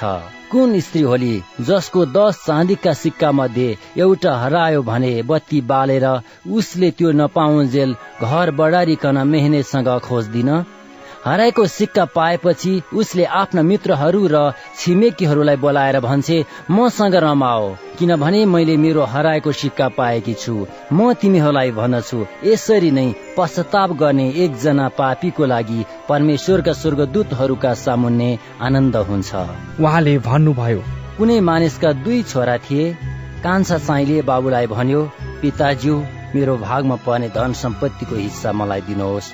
तब तिनले आफ्नो सम्पत्ति तिनीहरूलाई बाँडिदिए धेरै दिन बित्ता नबित्दै सबै धन सम्पत्ति बटुलेर कान्छो छोरो टाढा देशमा गयो र त्यहाँ भोग विलासमा आफ्नो सम्पत्ति उडायो। त्यसले सबै रुपियाँ पैसा खर्च गरिसकेको थियो। त्यसै बेला त्यस देशमा ठुलो अनिकाल पर्यो र त्यसलाई अभाव हुन थाल्यो। त्यो गयो र त्यस देशको एकजना नागरिक कहाँ त्यसले काम माग्यो? उसले त्यसलाई आफ्नो खेतमा सुँगुरहरू चराउन पठायो। सुँगुरले खाने चारोले त्यसले आफ्नो पेट भर्न चाहन्थ्यो अनि कसैले त्यसलाई केही दिँदैनथ्यो जब त्यसको चेत खुल्यो त्यसले भन्यो मेरा बाबुका धेरै ज्यालादारी चाकरहरू भर पेट खाएर उबार्ने गर्छन् तर म चाहिँ भोकले मरिरहेछु। म उठेर आफ्ना बाबु कहाँ जानेछु र उहाँलाई भन्नेछु बुबा मैले स्वर्गको विरुद्धमा र तपाईँको दृष्टिमा पाप गरेको छु। अब उपरान्त म तपाईँको छोरो भनिने योग्यको छैन। मलाई तपाईँका ज्यालादारी चाकरहरू मध्ये एउटा सरह तुल्याउनुहोस्। तब त्यो उठेर आफ्ना बाबु कहाँ गयो? तर त्यो धेरै टाढा छँदा त्यसका बाबुले त्यसलाई देखे र तिनी दयाले भरिए र दौडेर गई त्यसलाई अँगालो हालेर त्यसलाई चुम्बन गरे। छोराले तिनलाई भन्यो बुबा मैले स्वर्गको विरुद्धमा र तपाईँको दृष्टिमा पाप गरेको छु। म फेरि तपाईँको छोरो भनिने योग्यको छैन। तर बाबु चाहिँले आफ्ना कमाराहरूलाई भने झट्टै सबैभन्दा असल वस्त्र ल्याएर यसलाई पहिर्याइदियो। त्यसको हातमा औठी र खुट्टामा जुत्ता लगाइदियो र पुष्ट्याइ राखेको पशु मार र हामी खाएर आनन्द मनाऊ। किनकि यो मेरो छोरो मरेको थियो फेरि जीवित भएको छ हराएको थियो र पाइएको छ तब तिनीहरू आनन्द मनाउन लागे। त्यस बेला तिनको जेठो छोरो खेतमा थियो र त्यो घरको नजिक आइपुग्दा त्यसले नाचगानको आवाज सुन्यो। त्यसले चाकरहरू मध्ये एउटालाई आफू कहाँ बोलाएर यो के भइरहेछ? भनेर सोध्यो।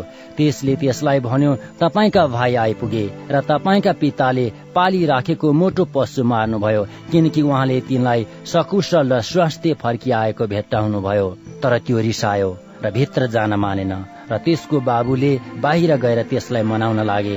तर त्यसले बाबुलाई भन्यो हेर्नुहोस् यतिका वर्ष मैले तपाईँको सेवा गरिरहेछु। अनि तपाईँको आज्ञा कहिले उल्लङ्घन गरिन। तापनि मैले आफ्ना साथीहरूसँग आनन्द मनाउन तपाईँले मलाई एउटा पाठो पनि कहिल्यै दिनु भएन। तर तपाईँको सम्पत्ति वेश्याहरूसँग उडाउने यो तपाईँको छोरो आउँदा चाहिँ तपाईँले पालिराखेको मोटो पशु त्यसको निम्ति मार्नुभयो। तब तिनले त्यसलाई भने छोरा त मसँग सधैँभरि छँदैछस्। अनि मेरो सबै सम्पत्ति तेरै हो। तर हामीले आनन्द मनाउनु र खुसी हुनु उचित थियो किनकि यो तेरो भाइ मरेको थियो फेरि जीवित भएको छ हराएको थियो र पाइएको छ।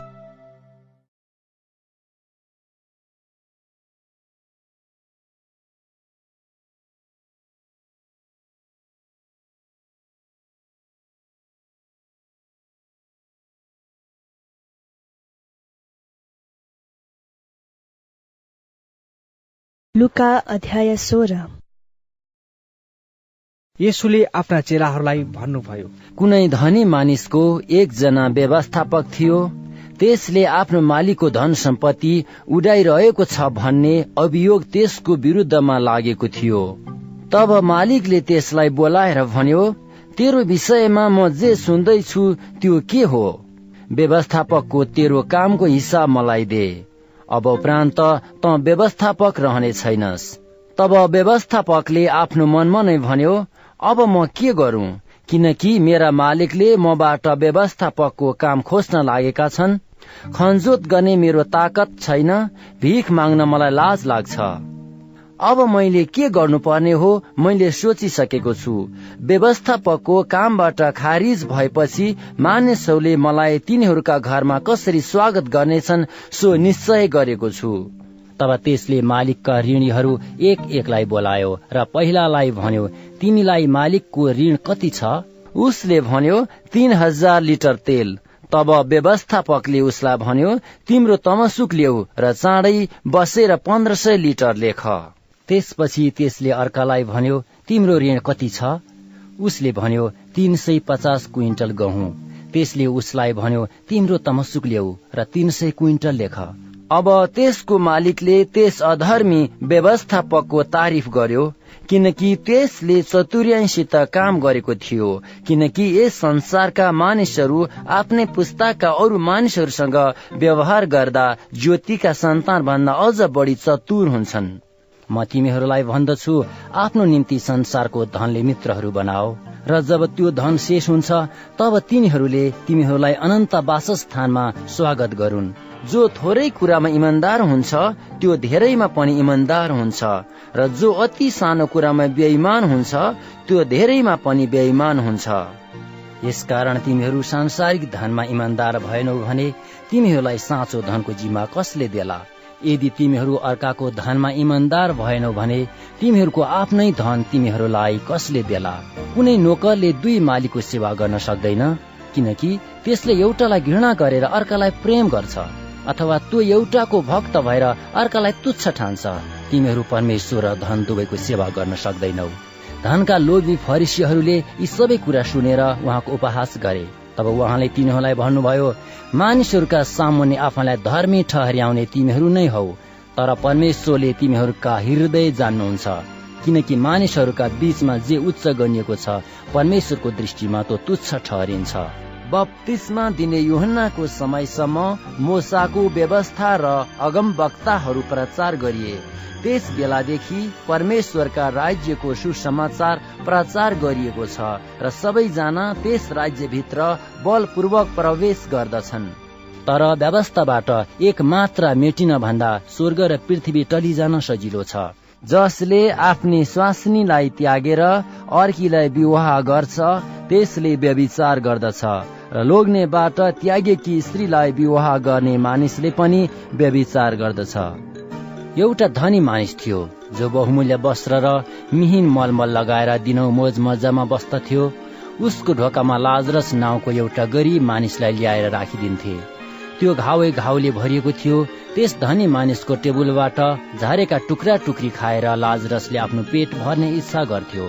कुकुरहरूले पनि आएर त्यसका घाउहरू चाड्थे त्यो गरिब मानिस मर्यो र स्वर्गदूतहरूले त्यसलाई लगेर अब्राहमको संगमा राखे। त्यो धनी मानिस पनि मर्यो र गाडियो। नरकमा कठोर कष्ट भोगिरहेको बेला उसले नजर उठाएर हेर्यो र टाढामा अब्राहम र उनको संगमा लाजरसलाई देख्यो। अनि उसले कराएर भन्यो हे पिता अब्राहम ममाथि दया गरेर लाजरसलाई पठाइदिनुहोस् र त्यसले आफ्नो औलाको टुप्पा पानीमा चोपेर मेरो जिब्रोलाई शीतल पारिदियोस् किनकि म यस ज्वालामा भयङ्कर वेदना पाइरहेछु। तर अब्राहमले भने छोरो याद गर तैले आफ्नो जीवनकालमा असल असल कुराहरू भोग गरिस् र त्यसै गरी लाजरसले दुखै दुःख भयो। त्यो अब यहाँ आराममा छ र त चाहिँ कष्टमा छस्। यी सबै कुरा बाहेक यहाँबाट त कहाँ पारी जान खोज्नेहरू जान नसकुन् र त्यहाँबाट यहाँ हामी कहाँ वारी आउन पनि नसकुन् भनेर हामीहरू र तिमीहरूका बीचमा एउटा अति गहिरो धाँधो छ।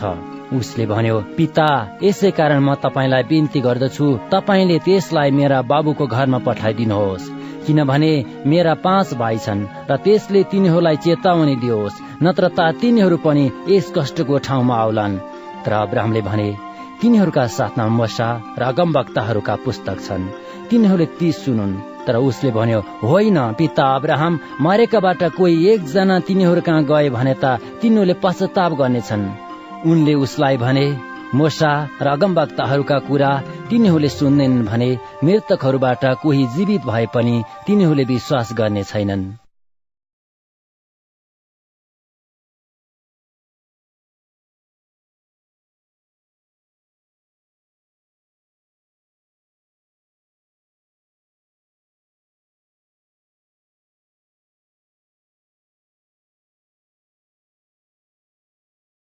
लुका अध्याय सत्र। यसुले आफ्ना चेलाहरूलाई भन्नुभयो पाप गर्न लाउने परीक्षाहरू निश्चय आउँछन् तर धिक्कार त्यस मानिसलाई जसद्वारा ती आउँछन्। जुन मानिसले यी सानाहरू मध्ये एउटालाई पाप गर्न लाउँछ त्यसको गलामा जाँतोको एउटा पाटा झुन्ड्याएर त्यसलाई समुद्रमा फालिदिनु त्यसको निम्ति बेस हुनेछ। आफ्नो विषयमा होसियार बस। तिम्रो भाइले अपराध गर्यो भने त्यसलाई हप्काऊ र त्यसले पछुतो गर्यो भने तिमीले त्यसलाई क्षमा गर। यदि तिम्रो भाइले दिनमा सात पल्ट तिम्रो विरुद्धमा अपराध गर्यो र सातै पल्ट तिमी कहाँ फर्की आएर म पछुतो गर्छु भन्यो भने तिमीले त्यसलाई क्षमा गर्नु। प्रेरितहरूले प्रभुलाई भने हामीहरूको विश्वास बढाइदिनुहोस्। प्रभुले भन्नुभयो। तिमीहरूमा राएको दाना जति पनि विश्वास भएदेखि तिमीहरूले यस किम्बुको रुखलाई त उखेलिएर समुद्रमा रोपिन जा भन्यो भने त्यसले मान्नेछ। तिमीहरू मध्ये कसैको नोकर खेत जोतेर कि भेडा चराएर खेतबाट आयो भने उसले त्यस नोकरलाई तुरुन्त आएर खाना बस भन्छ र के उसले त्यसलाई बरु यसो भन्ने छैन? मेरो निम्ति खाना तयार गर र पटुका कस र मैले खाइ पिइ नसकेसम्म मेरो सेवा टहल गर। त्यसपछि तैले खानपान गर। आफूले अराय बमोजिमको काम गरेकोमा के उसले त्यस नोकरलाई धन्यवाद दिन्छ र? त्यसरी नै तिमीहरूलाई अराएका सबै काम पूरा गरेपछि तिमीहरूले पनि यसो भन। हामी नालायक दास हौ। हामीले त हाम्रो कर्तव्य मात्र पालन गरेका छौं। यसु एरुसलेमतिर जाँदै हुनुहुन्थ्यो। यस यात्रामा उहाँ सामरिया र गालिलको सिमाना भएर जानुभयो। उहाँ एउटा गाउँमा पस्नुहुँदा दसजना कुष्ठरोगीसँग उहाँको भेट भयो। टाढे उभिएर तिनीहरूले छर्को स्वरले भने हे यसो गुरुज्यू हामी माथि कृपा गर्नुहोस्। उहाँले तिनीहरूलाई देखेर भन्नुभयो जाओ गएर पुजारी कहाँ आफैलाई देखाओ। तिनीहरू जाँदा जाँदै निको भइहाले। तिनीहरूमध्ये एकजनाले आफू निको भएको देख्यो र उच्च स्वरले परमेश्वरको महिमा गर्दै त्यो फर्क्यो र यसुलाई धन्यवाद दिएर त्यो यसुका पाउमा घोप्टो पर्यो। त्यो एक सामरी थियो। यसुले भन्नुभयो के निको भएका दस जना होइनन् र अरू नौजना कहाँ छन्? के यो विदेशी बाहेक फर्किआएर परमेश्वरको प्रशंसा गर्ने अरू कोही भएन? अनि उहाँले त्यसलाई भन्नुभयो उठ र आफ्नो बाटो लाग। तिम्रो विश्वासले तिमीलाई निको पारेको छ। परमेश्वरको राज्य कहिले आउँछ भन्ने फरिसीहरूको प्रश्नको जवाफमा उहाँले तिनीहरूलाई भन्नुभयो। परमेश्वरको राज्य देखिने गरी आउँदैन। न त मानिसहरूले भनेछन् हेर यहाँ छ अथवा त्यहाँ छ किनभने हेर परमेश्वरको राज्य तिमीहरूकै बीचमा छ।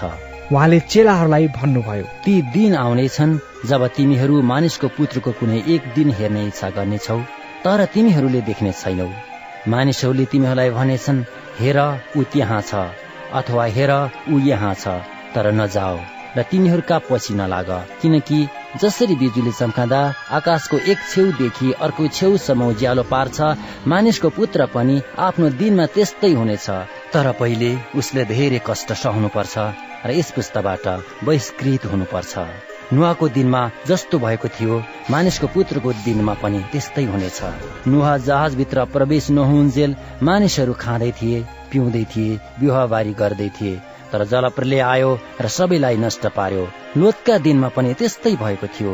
मानिसहरू खाँदै थिए पिउँदै थिए किनबेच गर्दै थिए रोप्दै थिए बनाउँदै थिए। तर जुन दिन लोत सदमबाट निस्के आकाशबाट आगो र गन्धक वर्षेर तिनीहरू सबैलाई नष्ट पार्यो।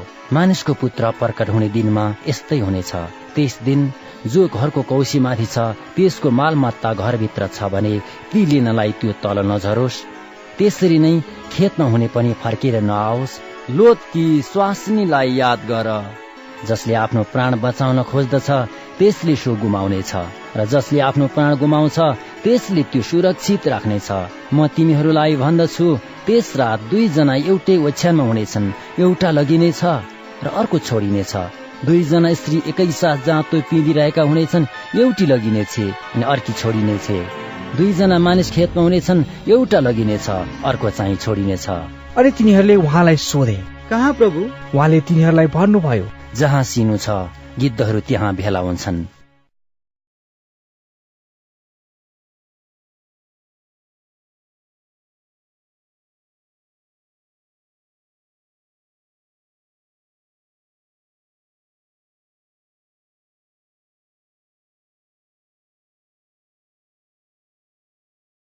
लुका अध्याय अठार। तिनीहरू सधैँ प्रार्थना गरिरहन् र निराश नहुन् भन्ने हेतुले उहाँले तिनीहरूलाई एउटा दृष्टान्त भन्नुभयो। कुनै एउटा शहरमा परमेश्वरको भय नमान्ने र मानिसको वास्ता नगर्ने एउटा न्यायाधीश थिए। त्यसै शहरमा एउटी विधवा थिए त्यो तिनी कहाँ आइरहन्थे र भन्थे मेरो बारीको अघि मेरो न्याय गरिदिनुहोस्। तिनले केही समयसम्म त मानेनन् तर पछिबाट तिनले आफ्नो मनमा भने म परमेश्वरको डर मान्दिन। मानिसको वास्ता पनि गर्दिन। तर यस विधुवाले मलाई हैरान पारेकी हुनाले म त्यसको न्याय गरिदिनेछु। नत्र त त्यो एकहोरो आएर मलाई वाक्क बनाउनेछ। प्रभुले भन्नुभयो सुन ती अधर्मी न्यायाधीशले के भन्दछन्? के परमेश्वरले उहाँलाई रात दिन पुकार्ने आफ्ना चुनिएकाहरूको न्याय गरिदिनुहुन्न र के उहाँले तिनीहरूका निम्ति बिहालो गर्नुहुन्छ र? म तिमीहरूलाई भन्दछु उहाँले चाँडै नै तिनीहरूको न्याय गरिदिनुहुनेछ। तापनि मानिसको पुत्र आउँदा के उसले पृथ्वीमा विश्वास भेट्टाउनेछ र? आफैमाथि भरोसा राख्नेहरू र आफैलाई धर्मी ठानी अरूहरूलाई तुच्छ ठान्नेहरू कसै कसैलाई उहाँले यो दृष्टान्त सुनाउनु भयो। दुईजना मानिस प्रार्थना गर्न मन्दिरमा गए एकजना फरेसी र अर्को चाहिँ कर उठाउने। फरिसीले उभिएर मनमनै यसरी प्रार्थना गर्यो हे परमेश्वर म तपाईँलाई धन्यवाद दिन्छु। म अरू मानिसहरू जस्तो धुत्ताहा अन्यायी बेविचारी अथवा यही कर उठाउने जस्तो पनि छैन। म हप्तामा दुई पल्ट उपवास बस्दछु। मैले पाएका सबै थोकको दशांश म दिन्छु। तर कर उठाउने चाहिँ टाढै उभिएर स्वर्गतिर आँखा पनि नउठाई यसो भन्दै आफ्नो छाती पिट्यो। हे परमेश्वर म पापीमाथि दया गर्नुहोस्। म तिमीहरूलाई भन्दछु यो चाहिँ मानिस त्यस अर्का भन्दा धर्मी ठहरिएर आफ्नो घरतिर लाग्यो। किनभने हरेक जसले आफूलाई उच्च पार्दछ त्यो होच्याइनेछ। तर जसले आफूलाई होच्याउँछ त्यो उच्च पारिनेछ। यसुले छोइदिउन् भनी मानिसहरूले शिशुहरूलाई उहाँका ल्याए तर चेलाहरूले यो देखेर तिनीहरूलाई हप्काए। यसुले तिनीहरूलाई आफू कहाँ बोलाएर भन्नुभयो? बालकहरूलाई म कहाँ आउन देऊ? तिनीहरूलाई नरोक किनभने परमेश्वरको राज्य यस्तैहरूको हो।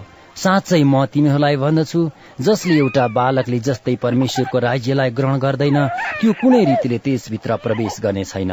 कोही एउटा शासकले यसुलाई यसो भनेर सोधे हे असल गुरु अनन्त जीवन पाउनलाई म के गरौँ? यसुले तिनलाई भन्नुभयो तिमी मलाई किन असल भन्दछौ? एक परमेश्वर बाहेक कोही असल छैन। तिमी आज्ञाहरू त जान्दछौ। बेविचार नगर्नु हत्या नगर्नु नचोर्नु झुट गवाई नदिनु आफ्ना बाबु र आमाको आदर गर्नु। तिनले भने यी सब त मैले मेरो युवा अवस्थादेखि नै पालन गरेको छु।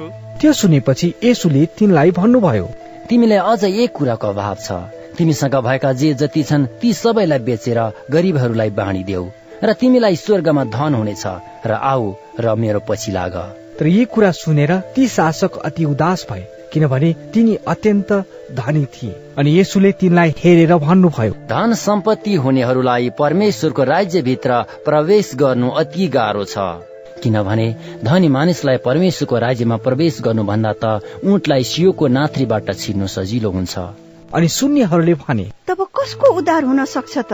उहाँले भन्नुभयो मानिसहरूका लागि जे असम्भव छ त्यो परमेश्वरको लागि सम्भव छ। तब पत्रुसले भने हेर्नुहोस् आफ्नो घरद्वार छोडेर हामी तपाईँको पछि लागेका छौँ। तब उहाँले तिनीहरूलाई भन्नुभयो साँच्चै म तिमीहरूलाई भन्दछु जसले घर वा पत्नी वा दाजुभाइ वा आमा बाबु अथवा छोरा छोरीलाई परमेश्वरका राज्यको निम्ति त्याग्छ त्यसले यसै समयमा धेरै बढी प्रतिफल पाउनेछ र आउने युगमा अनन्त जीवन प्राप्त गर्नेछ।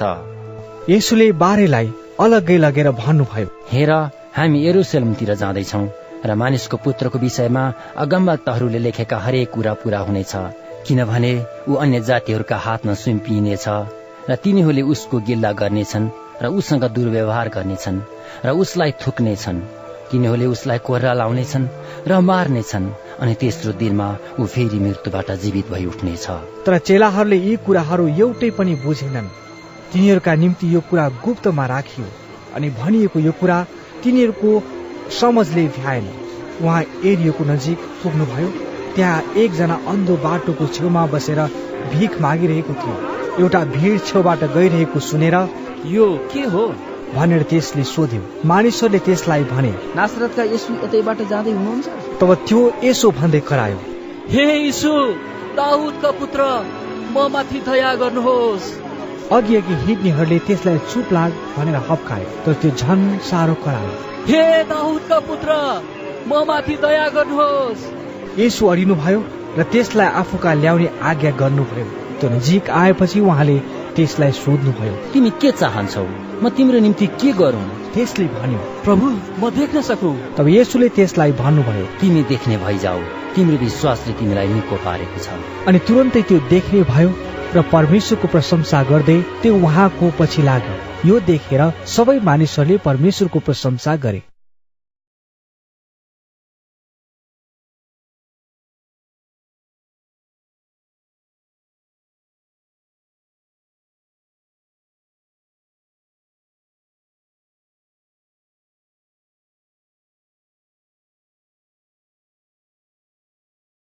लुका अध्याय उन्नाइस।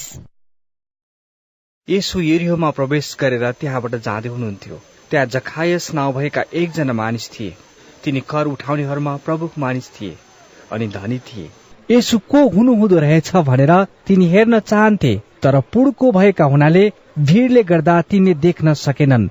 तिनी उहाँलाई हेर्नलाई अघि अघि दौडेर एउटा अन्जिरको रुखमा चढे किनकि यसो त्यही बाटो भएर जान लाग्नु भएको थियो। जब यसो त्यस ठाउँमा आइपुग्नुभयो तब उहाँले मास्तिर हेरेर तिनलाई भन्नुभयो ए जखायस चाँडो ओर्लेर आऊ किनभने आज मलाई तिम्रो घरमा बस्नु परेको छ।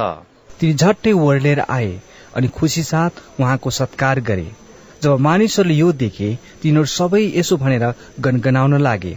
उनी पापीको घरमा पाउन लाग्न गए। जखायसले खडा भएर प्रभुलाई भने प्रभु हेर्नुहोस् म आफ्ना सम्पत्तिको आधा भाग गरिबहरूलाई दिन्छु र कोहीबाट अन्यायपूर्वक केही लिएको छु भने म त्यसको चार गुणा फिर्ता गरिदिनेछु। तब यसुले तिनलाई भन्नुभयो आज यस घरमा मुक्ति आएको छ किनकि यिनी पनि अब्राहमका छोरा हुन् किनभने मानिसको पुत्र हराएकाहरूलाई खोज्न र बचाउन आएको हो। तिनीहरूले यी कुरा सुन्दै गर्दा उहाँले तिनीहरूलाई एउटा दृष्टान्त भन्न लाग्नुभयो। उहाँ एरुसलेमको नजिकै हुनुहुन्थ्यो अनि मानिसहरूले परमेश्वरको राज्य तुरन्तै प्रकट हुन लागेको छ भन्ने सम्झेका थिए। उहाँले भन्नुभयो एकजना खानदानी मानिस एउटा राज्य प्राप्त गरी फर्की आउन भनी कुनै टाढा देशमा गए। तिनले आफ्ना दस जना नोकरहरूलाई बोलाएर तिनीहरूलाई दस सुनका सिक्का दिएर भने जबसम्म म फर्की आउँदिन यसबाट व्यापार गर। तर तिनका प्रजाहरू तिनलाई घृणा गर्थे र तिनीहरूले तिनको पछि पछि दूतहरूलाई यसो भनेर पठाए तिनले हामी माथि राज गरेका हामी चाहँदैनौ। तब राज्य अधिकार पाई तिनी फर्केपछि आफूले पैसा दिएका नोकरहरूलाई आफू कहाँ बोलाउने हुकुम दिए अनि व्यापारबाट तिनीहरूले कति नाफा गरे भन्ने तिनले जान्न चाहे तब पहिलो आएर यसो भन्यो मालिक तपाईँको सिक्काले अझै दस सिक्का कमाएको छु। तिनले त्यसलाई भने स्याबास असल नोकर त अति थोरैमा विश्वासी भइस तैले दस सहरहरूमाथि अधिकार पाउनेछस् दोस्रो आएर यसो भन्यो मालिक तपाईँको सिक्काले अरू पाँच सिक्का कमाएको छु। तिनले त्यसलाई भने तैले पनि पाँच सहरमाथि अधिकार पाउनेछस्। अर्को आएर यसो भन्यो मालिक हेर्नुहोस् तपाईँको सिक्का यहाँ छ। त्यो मैले रुमालमा बाँधेर राखेको थिएँ। म तपाईँसँग डराएँ किनकि तपाईँ कठोर मानिस हुनुहुन्छ। जे राख्नु भएन त्यो लिनुहुन्छ र जे छर्नु भएन त्यसैको कटनी गर्नुहुन्छ। तिनले त्यसलाई भने तेरै मुखको कुराबाट म तेरो इन्साफ गर्नेछु। ए दुष्ट नोकर जे राखिने त्यो लिने र जे छैन त्यसको कटनी गर्ने म कठोर मानिस हुँ भनेर तैले जानेकै थिइस्। तब मेरो सिक्का बैङ्कमा किन राखिनस् त? म आएर ब्याज सहित त्यो पाउने थिएँ। तब नजिक हुनेहरूलाई तिनले भने त्यसबाट त्यो सिक्का लिएर दस सिक्का हुनेलाई दिइहाल। तिनीहरूले तिनलाई भने हजुर त्यससँग त दस सिक्का छँदैछन्। म तिमीहरूलाई भन्दछु जससँग छ त्यसलाई अझ बढी दिइनेछ। तर जससँग छैन त्यससँग भएको पनि त्यसबाट खोसिनेछ। तर मैले तिनीहरूमाथि राज गरेको नचाहने मेरा ती शत्रुहरूलाई यहाँ ल्याओ र तिनीहरूलाई मेरै सामुन्ने मार। येसुले यी कुरा भन्नुभएपछि उहाँ एरुसलेमतर्फ बढ्नुभयो। जब उहाँ बेत फागेर बेथानियाको नजिक जैतुन भनिने डाँडामा पुग्नुभयो उहाँले आफ्ना चेलाहरूमध्ये दुईजनालाई यसो भनेर पठाउनु भयो सामुन्नेको गाउँमा जाओ र भित्र पस्ता पस्दै तिमीहरूले गदाको एउटा बछिडो बाँधेको भेट्टाउनेछौ जसमाथि अहिलेसम्म कोही मानिस चढेको छैन। त्यसलाई फुकाएर यहाँ ल्याओ। कसैले किन फुकाउँछौ भनेर तिमीहरूलाई सोध्यो भने प्रभुलाई यसको खाँचो छ भन्नु। ती पठाइएकाहरू गए र उहाँले तिनीहरूलाई जस्तो भन्नुभएको थियो त्यस्तै भेट्टाए। तिनीहरूले बछेडो फुकाउन लाग्दा बछेडाका मालिकहरूले तिनीहरूलाई सोधे तिमीहरू यो बछडो किन फुकाउँछौ? तिनीहरूले भने प्रभुलाई यसको खाँचो छ। चेलाहरूले त्यसलाई येसु कहाँ ल्याए र आफ्ना वस्त्रहरू बछेडा माथि राखेर येसुलाई त्यसमाथि बसाए।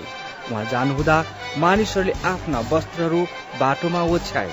उहाँ जैतुन डाँडाको ओढालोमा आइपुग्नु हुँदा चेलाहरूको समस्त भिड आफैले देखेका सबै शक्तिशाली कामहरूका निम्ति रमाउँदै परमेश्वरको प्रशंसा गर्दै उच्च स्वरले कराउन लागे। परम प्रभुको नाउँमा आउने राजा धन्य हुन्।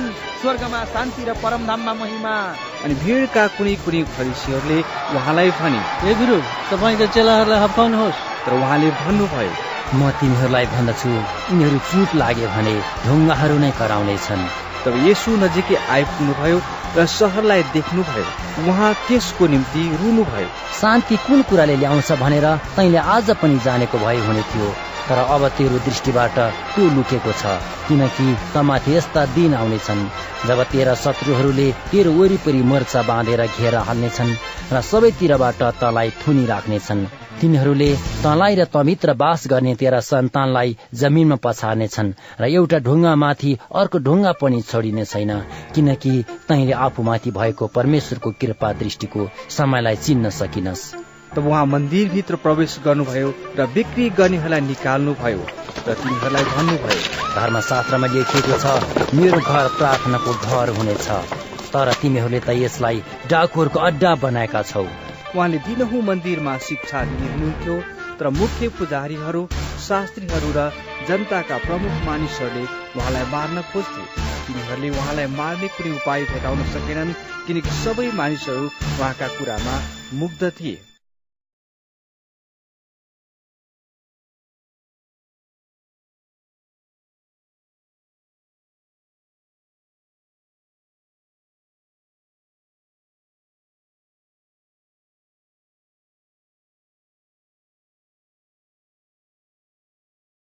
लुका अध्याय बिस। एक दिन मन्दिरमा उहाँले मानिसहरूलाई शिक्षा दिइरहनु भएको थियो र तिनीहरूलाई सुसमाचार प्रचार गरिरहनु भएको थियो।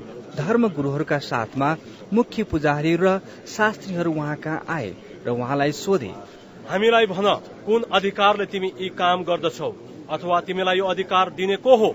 उहाँले तिनीहरूलाई जवाफ दिनुभयो म पनि तिमीहरूलाई एउटा कुरा सोध्छु। मलाई उत्तर दियो हो। युहन्नाले दिएको बत्तिसमा स्वर्गबाट थियो कि मानिसबाट? तिनीहरू आपसमा बहस गर्न लागे। स्वर्गबाट भनौ भने तिनीहरूले उनलाई किन विश्वास गरेनौ भनेर तिनले भन्ने छन् मानिसबाट भनौ भने सबै मानिसहरूले हामीलाई ढुङ्गाले हान्नेछन्।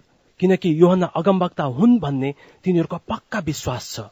यसकारण तिनीहरूले जवाफ दिए। हामी जान्दैनौ कहाँबाट आएको हो। तब येसुले तिनीहरूलाई भन्नुभयो उसो भए म कुन अधिकारले यी काम गर्दछु?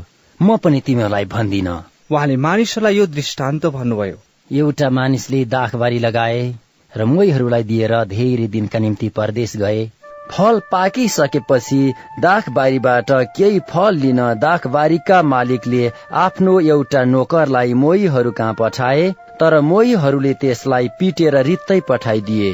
तिनले अझै अर्को नोकरलाई पठाए तर तिनीहरूले त्यसलाई पनि पिटी बेजेत गरेर रित्तै पठाइदिए। तिनले तेस्रालाई पनि पठाए तर तिनीहरूले त्यसलाई पनि घाइते बनाएर निकालिदिए। अनि दाखबारीका मालिकले भने अब म के गरौं? म आफ्नो प्यारो छोरो पठाउने छु सायद उसलाई त तिनीहरूले आदर गर्लान् तर मैहरूले उसलाई देखेर आपसमा कुरा गरे त्यो त हकवाला हो हामी यसलाई मारौं र सम्पत्तिको हक हाम्रो हुनेछ। अनि तिनीहरूले उसलाई दाखबारीको बाहिर लगेर मारे। अब दाखबारीका मालिकले तिनीहरूलाई के गर्लान्? तिनी आएर ती मोहीहरूलाई मार्नेछन् र दाखबारी अरूहरूलाई दिनेछन्। मानिसहरूले यो सुनेर भने यस्तो कहिले नहोस्। तर उहाँले तिनीहरूलाई हेरेर भन्नुभयो यो लेखिएको के हो त? जुन ढुङ्गालाई भवन निर्माण गर्नेहरूले रद्द गरे त्यही चाहिँ कुनाको शिर ढुङ्गो बन्यो। त्यस ढुङ्गामाथि खस्ने हरेक चकनाचुर हुनेछ तर जसमाथि त्यो खस्छ त्यसले त्यसलाई धुलो पिठो पार्नेछ। तब शास्त्रीहरू र मुख्य पुजारीहरूले त्यसै बेला उहाँलाई पक्रन खोजे। तिनीहरूलाई थाहा थियो कि यो दृष्टान्त तिनीहरूकै विरुद्धमा भनिएको थियो तर तिनीहरू मानिसहरूसँग डराउँथे। तिनीहरू मौका हेर्न लागे र धर्मी भई टोपल्ने जासुसहरूलाई तिनीहरूले उहाँ कहाँ पठाए। यसुले भन्नुभएको कुरामा उहाँलाई फसाएर अधिकारीहरू र हाकिमका हातमा उहाँलाई सुम्पिदिने दाउमा तिनीहरू थिए। तिनीहरूले उहाँलाई सोधे गुरुज्यू हामी जान्दछौ। तपाईँ ठिक बोल्नुहुन्छ र ठिक सिकाउनुहुन्छ र कसैको पक्षपात गर्नुहुन्न? तर सत्यता साथ परमेश्वरको मार्ग सिकाउनुहुन्छ। हामीले कैसरलाई कर तिर्नु उचित छ कि छैन? तर उहाँले तिनीहरूको कपट बुझेर तिनीहरूलाई भन्नुभयो मलाई एउटा सिक्का देखाओ। यसमा कसको चित्र र कसको नाउँ खोपिएको छ? तिनीहरूले भने कैसरको। उहाँले तिनीहरूलाई भन्नुभयो यसकारण जे कैसरका हुन् कैसरलाई दियो र जे परमेश्वरका हुन् परमेश्वरलाई दियो। मानिसहरूका सामुन्ने तिनीहरूले उहाँलाई कुरामा फसाउन सकेनन् र उहाँको जवाफमा तिनीहरू चकित भएर चुप रहे। त्यसपछि उहाँका केही सदुकीहरू आए। मृतकबाट पुनरुत्थान हुँदैन भन्ने तिनीहरूको धारणा थियो। तिनीहरूले उहाँलाई सोधे गुरुज्यू मोसाले हामीलाई लेखिदिएका थिए कि कुनै मानिसको विवाहित दाजु निसन्तान मर्यो भने भाइ चाहिँले त्यसकी पत्नीलाई विवाह गरी दाजुको सन्तान खडा गरिदिनुपर्छ। सात भाइ थिए जेठाले एउटी पत्नी ल्याएर निसन्तान मर्यो र माहिलाले र साहिलाले त्यसलाई विवाह गरे। र त्यसै गरी ती सातैजना निसन्तान मरे। पछिबाट त्यो स्त्री पनि मरी। यसकारण मृतकबाट पुनरुत्थान हुँदा त्यो स्त्री तिनीहरूमध्ये कसकी पत्नी हुन्छ? किनकि त्यो सातैजनाकी पत्नी भएकी थिए। यसुले तिनीहरूलाई भन्नुभयो यस युगका मानिसहरू विवाह गर्छन् र विवाह गरिदिन्छन् तर त्यस युगसम्म पुग्न योग्य ठहरिनेहरूले र मृतबाट जीवित भई उठ्न योग्य हुनेहरूले न विवाह गर्छन् न विवाह गरिदिन्छन्। तिनीहरू फेरि मर्दैनन् किनभने तिनीहरू स्वर्गदूतहरू समान हुन् र पुनरुत्थानका सन्तान भएका हुनाले परमेश्वरका सन्तान हुन्। तर मृतकहरू जीवित भई उठ्नेछन् भन्ने कुरा मोसाले पनि पोथ्राको विवरणमा परम प्रभुलाई अब्राहमका परमेश्वर इसहाकका परमेश्वर र याकुबका परमेश्वर भनेर पुकारदा देखाइदिए। उहाँ मृतकहरूका परमेश्वर हुनुहुन्न तर जीवितहरूका परमेश्वर हुनुहुन्छ किनकि सबै उहाँकै निम्ति जीवित छन्। अनि शास्त्रीहरू मध्ये कुनै कुनैले भने गुरुज्यू तपाईँले असलै भन्नुभयो। त्यसपछि फेरि कसैले उहाँलाई कुनै प्रश्न सोध्ने आँट गरेन तर उहाँले तिनीहरूलाई भन्नुभयो। क्रिस दाउदका पुत्र हुन् भने तिनीहरू कसरी भन्दछन्? किनकि भजनको पुस्तकमा दाउद आफै भन्दछन् परम प्रभुले मेरा प्रभुलाई भन्नुभयो तिमी मेरो दाहिने हातपट्टि बस। जबसम्म म तिम्रा शत्रुहरूलाई तिम्रा खुट्टाको पावदान तुल्याउँदिन। यसरी दाउदले उनलाई प्रभु भन्दछन् भने फेरि उनी कसरी दाउदका पुत्र भए? अनि सबै मानिसहरूले सुन्दै गर्दा उहाँले आफ्ना चेलाहरूलाई भन्नुभयो लामो पोसाक पहिरेर यताउति हिँड्ने र बजारमा अभिवादन खोज्ने र सभा घरहरूमा प्रमुख आसन र भोजमा आदरको स्थान रुचाउने सासिरहरूदेखि होसियार हो। तिनीहरूले विधुवाहरूका घर हडप गर्छन् र लामो देखावटी प्रार्थना गर्छन्। यिनीहरूले नै बढी दण्ड पाउनेछन्।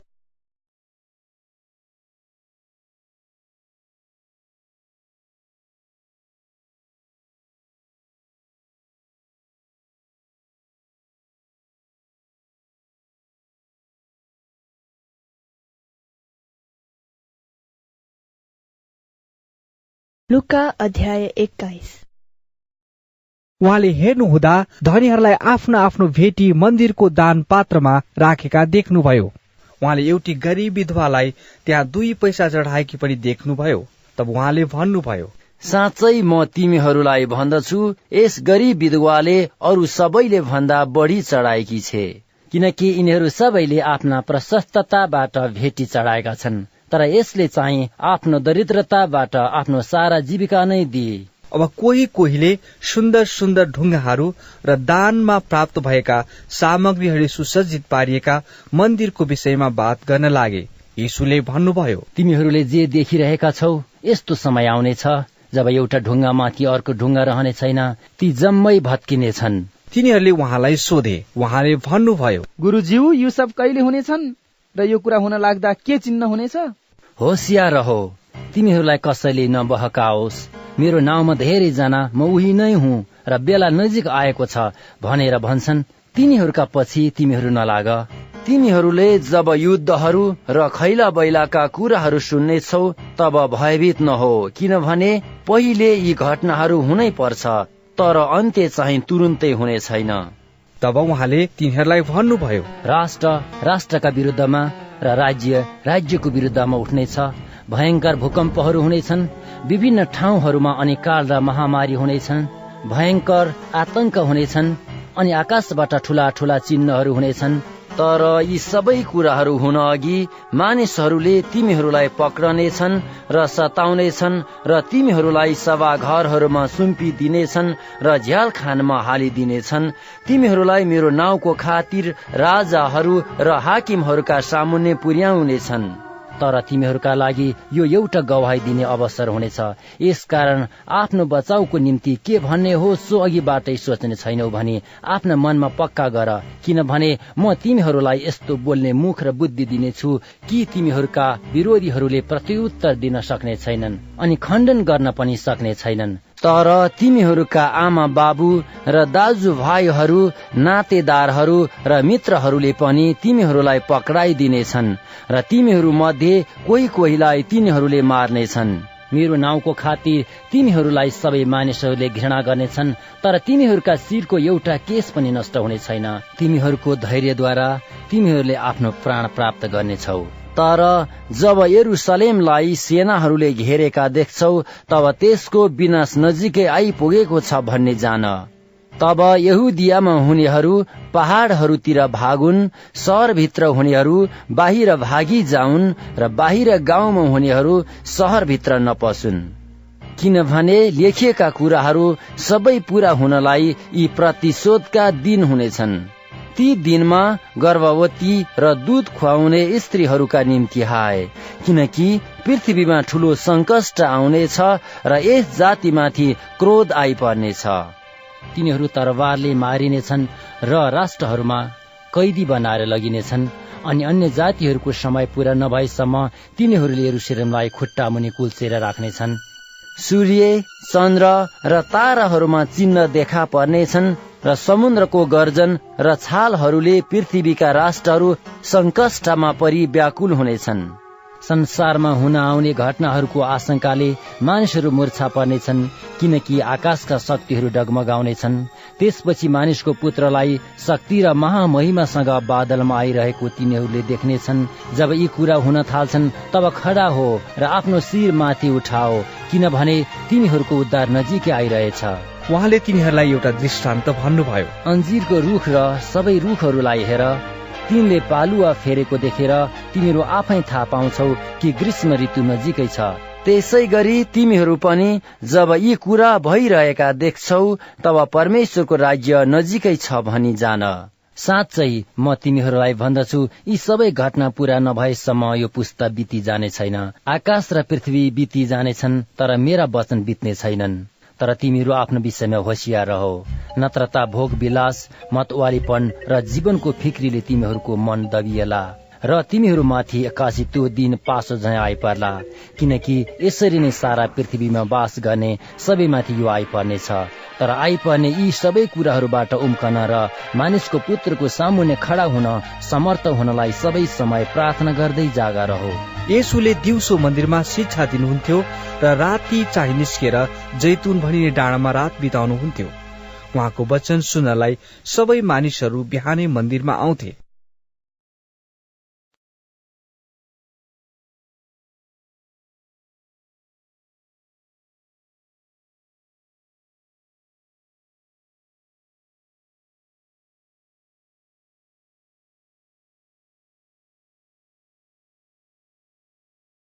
लुका अध्याय बाइस।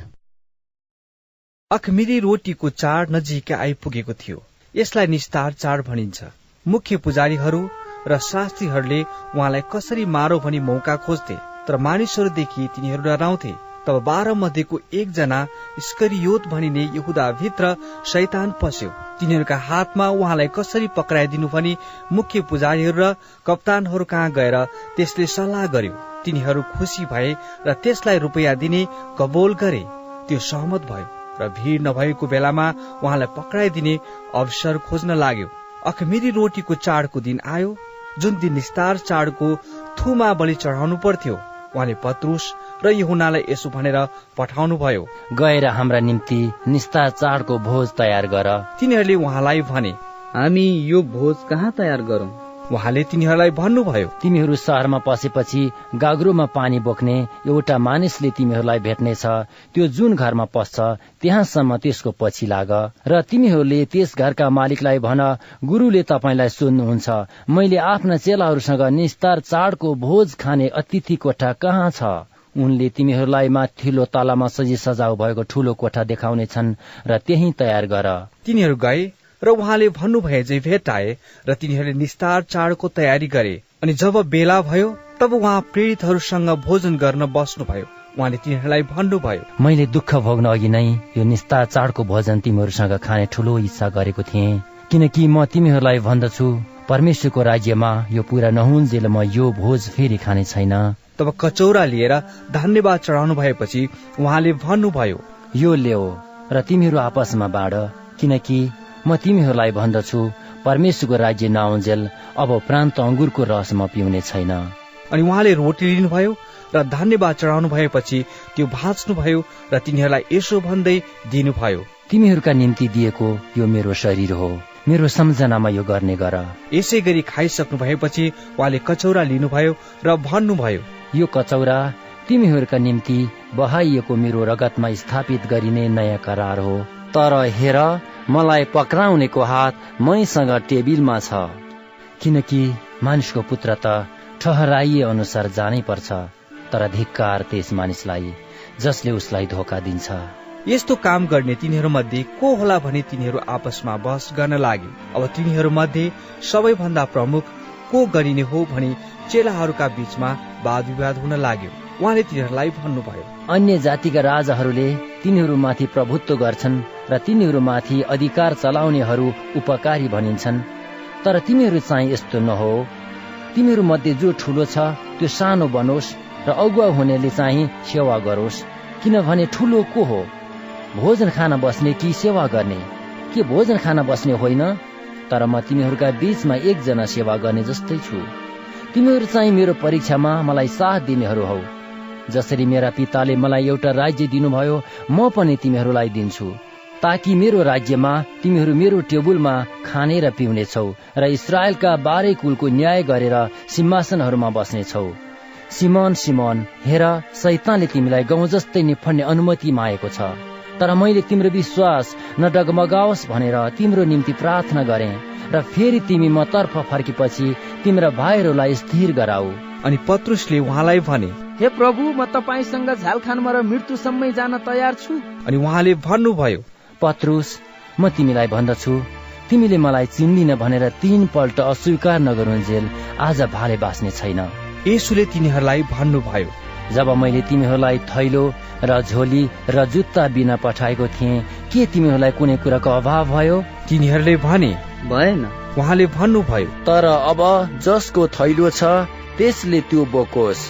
त्यसै गरी झोला पनि बोकोस् र जससँग तरवार छैन त्यसले आफ्नो वस्त्र बेचेर एउटा तरवार किनोस्।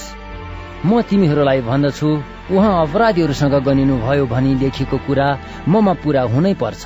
हो मेरो बारेमा लेखिएको कुरा पूरा भइ नै रहेछ। तब चेलाहरूले भने हे प्रभु हेर्नुहोस् यहाँ दुईवटा तरवार छन्। उहाँले भन्नुभयो त्यति भए पुग्छ। बाहिर निस्केर सदाझै उहाँ जैतुन डाँडामा जानुभयो र उहाँका चेलाहरू पनि पछि पछि लागे। त्यस ठाउँमा पुगेपछि उहाँले तिनीहरूलाई भन्नुभयो तिमीहरू प्रार्थना गरिरह र परीक्षामा नपर। उहाँ तिनीहरूबाट प्राय तीस मिटर पर गएर घुँडा टेकी प्रार्थना गर्नुभयो। हे पिता तपाईँको इच्छा भए यो कचौरा मबाट हटाइदिनुहोस् तर मेरो इच्छा होइन। तपाईँकै इच्छा पूरा होस्। तब स्वर्गबाट एउटा दूत उहाँलाई बल दिन उहाँका देखा परे। अत्यन्त सङ्कष्टमा परेर आग्रहपूर्वक उहाँ प्रार्थना गर्न लाग्नुभयो। र उहाँको पसिना रगतका ठुला ठुला थोप्ला जस्तै जमिनमा खसिरहेका थिए। प्रार्थनाबाट उठेर चेलाहरू कहाँ आउनुहुँदा उहाँले तिनीहरूलाई शोकले गर्दा निधाइरहेका भेटाउनु भयो उहाँले तिनीहरूलाई भन्नुभयो तिमीहरू किन निधाइरहेका छौ? उठ। र परीक्षामा नपर्नलाई प्रार्थना गर। उहाँ बोल्दा बोल्दै एउटा भिड त्यहाँ आइपुग्यो। बाह्र चेला मध्ये एकजना यहुदा भन्ने चाहिँ तिनीहरूका अघि अघि आयो। यीशुलाई चुम्बन गर्नलाई त्यो उहाँको नजिकै गयो। तर येसुले त्यसलाई भन्नुभयो यहुदा के तिमी मानिसको पुत्रलाई चुम्बनद्वारा विश्वासघात गर्न चाहन्छौ? तब उहाँको छेउछाउमा भएकाहरूले के हुने हो सो देखेर उहाँलाई भने प्रभु के हामी तरवार चलाऊ तिनीहरूमध्ये एकजनाले प्रधान पुजाहारीको नोकरलाई हान्यो र त्यसको दाहिने कान चट्टै काटिदियो। तर यसुले भन्नुभयो भयो अब रहन देऊ। अनि त्यस मान्छेको कान छोएर उहाँले त्यसलाई निको पारिदिनु भयो अनि उहाँको विरुद्धमा आएका मुख्य पुजारीहरू मन्दिरका कप्तानहरू र धर्मगुरुहरूलाई उहाँले भन्नुभयो के तपाईँहरू डाकुको विरुद्धमा आए जस्तै तरबार र लाठहरू लिएर आउनुभयो? म दिनहुँ मन्दिरमा तपाईँहरूका साथमा हुँदा तपाईँहरूले मेरो विरुद्धमा हात उठाउनु भएन। तर अब तपाईँहरूको समय हो र अन्धकारको शक्ति यही हो। तिनीहरूले यसुलाई पक्रेर लगे र उहाँलाई प्रधान पुजाहारीको घरमा ल्याए तर पत्रुस टाढेबाट उहाँको पछि पछि लागे। त्यहाँ आँगनको बीचमा आगो बालेर मानिसहरू जम्मा भएर बसिरहेका थिए। पत्रुस पनि तिनीहरूसँगै बसे। एउटी नोकर्नीले आगोको उज्यालोमा तिनलाई बसिरहेका देखेर निहालेर हेरी र भनी यी मानिस पनि तिनीसँगै थिए। तर पत्रुसले यसो भनेर इन्कार गरे। ए नारी म उहाँलाई चिन्दिन। केही बेर पछि अर्कोले तिनलाई देखेर भन्यो तिमी पनि तिमीहरू मध्येकै हो। तर पत्रुसले जवाफ दिए ए मानिस म होइन। प्राय एक घण्टा बितेपछि अर्को एकजनाले जोड दिएर यसो भन्यो निश्चय नै यी मानिस तिनीसँगै थिए। किनकि यिनी पनि गालिली नै रहेछन्। तर पत्रुसले भने ए मानिस तिमी के भनिरहेछौ? म जान्दिन। तिनी बोल्दा बोल्दै भाले बास्यो अनि प्रभुले फर्केर पत्रुसलाई हेर्नुभयो आज भाले बास्न अघि तिमीले मलाई तीन पल्ट इन्कार गर्नेछौ। भनी भन्नुभएको प्रभुको वचन पत्रुसलाई याद भयो र तिनी बाहिर निस्केर धुरु धुरु रोए। तब यसुलाई पक्रने मानिसहरूले उहाँलाई गिल्ला गरे र पिटे उहाँका आँखा छोपिदिएर उहाँलाई सोधे तँलाई हिर्काउने को हो? ल अगम बाणी भन्। तिनीहरूले उहाँको विरुद्धमा अरू धेरै तिरस्कारपूर्ण कुरा भने। उज्यालो हुने बित्तिकै भेला भएका जनताका धर्म गुरुहरू मुख्य पुजारीहरू र शास्त्रीहरू दुवैले उहाँलाई आफ्नो महासभामा लगे र भने। उहाँले तिनीहरूलाई भन्नुभयो। मैले बताएँ भने पनि तपाईँहरू पत्याउनुहुन्न। मैले प्रश्न गरे भने पनि तपाईँहरू जवाब दिनुहुन्न। तर अब मानिसको पुत्र परमेश्वरका शक्तिको दाहिनेपट्टि बस्नेछ। तब तिनीहरू सबैले भने त्यसो भए के त परमेश्वरको पुत्र होस्? उहाँले तिनीहरूलाई उत्तर दिनुभयो। तपाईँहरू नै भन्नुहुन्छ म उही हुँ। तिनीहरूले भने हामीलाई अब अरू के साक्षीको आवश्यकता छ र? किनकि हामीले त्यसकै मुखबाट सुनिहाल्यौं।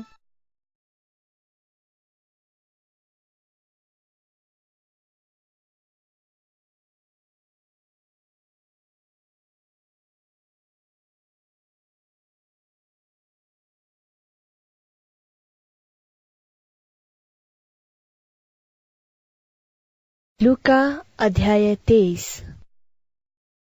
सबै सभासदहरू उठे र उहाँलाई पिलातस कहाँ ल्याए? तिनीहरूले उहाँमाथि यसो भन्ने दोष लगाउन लागे। यस मानिसले हाम्रो राष्ट्रलाई बहकाउन लागेको हामीले भेटायौँ। यसले कैसरलाई कर तिर्नदेखि हामीलाई रोक्छ। आफैलाई चाहिँ म ख्रिस्ट एक राजा हुँ भनी भन्छ। पिलातसले उहाँलाई सोधे के तिमी यहुदीहरूका राजा हौ? यसुले जवाफ दिनुभयो। तपाईँ नै त्यसो भन्नुहुन्छ? तब पिलातसले मुख्य पुजारीहरू र भिडहरूलाई भने म यी मानिसमा केही दोष भेटाउँदिन। तर तिनीहरूले बडो जोड दिएर भने यसले सारा यहुदिया र गालिलदेखि यस ठाउँसम्म शिक्षा दिएर मानिसहरूलाई भड्काउँदैछ। त पिलातसले यो सुनेर यो मानिस गालिलको हो कि भनेर सोधे अनि उहाँ हेरोदको इलाकाका मानिस रहेछन् भन्ने थाहा पाएर पिलातसले उहाँलाई हेरोद कहाँ पठाइदिए? ती दिनमा हेरोद आफै पनि यरुसलेममा थिए। अब यसुलाई देखेर हेरोद अत्यन्त खुसी भए किनकि तिनले उहाँको विषयमा सुनेका हुनाले धेरै दिनदेखि उहाँलाई हेर्ने इच्छा गरेका थिए र उहाँले केही आश्चर्य काम गर्नुभएको हेर्ने आशा गर्थे। तिनले उहाँलाई धेरै प्रश्न गरे तर उहाँले तिनलाई केही जवाफ दिनु भएन। मुख्य पूजाहारीहरू र शास्त्रीहरू चाहिँ खडा भएर उहाँलाई जोड तोड साथ दोष लाउन लागे। हेरोदले आफ्ना सिपाहीहरूसँग मिली उहाँलाई तिरस्कारपूर्ण व्यवहार गरे र उहाँको गिल्ला गरे। त्यसपछि उहाँलाई रवा फिलोज पोसाक पहिराएर पिलातस कहाँ फर्काई पठाइदिए। त्यही दिन पिलातस र हेरो दुवै आपसमा मित्र भए किनकि अघि तिनीहरूका बीचमा वैरभाव थियो। तब पिलातसले मुख्य पुजारीहरू शासकहरू र जनताले जम्मा गरे। उनले तिनीहरूलाई भने तिमीहरूले मानिसहरू भड्काउने भनी यिनलाई मेरो सामुन्ने ल्यायो। तिमीहरूकै सामुन्ने केरकार गर्दा तिमीहरूले यिनमाथि लागेका अभियोगको दोषी भेटाइन। हेरोदले पनि दोषी भेटाएनन् किनभने तिनले यिनलाई हामी कहाँ नै फर्काइदिए। अब हेर यिनले मृत्युदण्ड पाउने योग्यको कुनै काम गरेका छैनन्। यसकारण म यिनलाई सजाय गरेर छोडिदिनेछु। चाडको उपलक्ष्यमा तिनीहरूका निम्ति पिलातसले एउटा कैदी छोडिदिनु पर्थ्यो। तिनीहरू सबै एकसाथ यसो भनेर कराए। यसलाई हटाउनुहोस्। र हाम्रा निम्ति बारब्बालाई छोडिदिनुहोस्।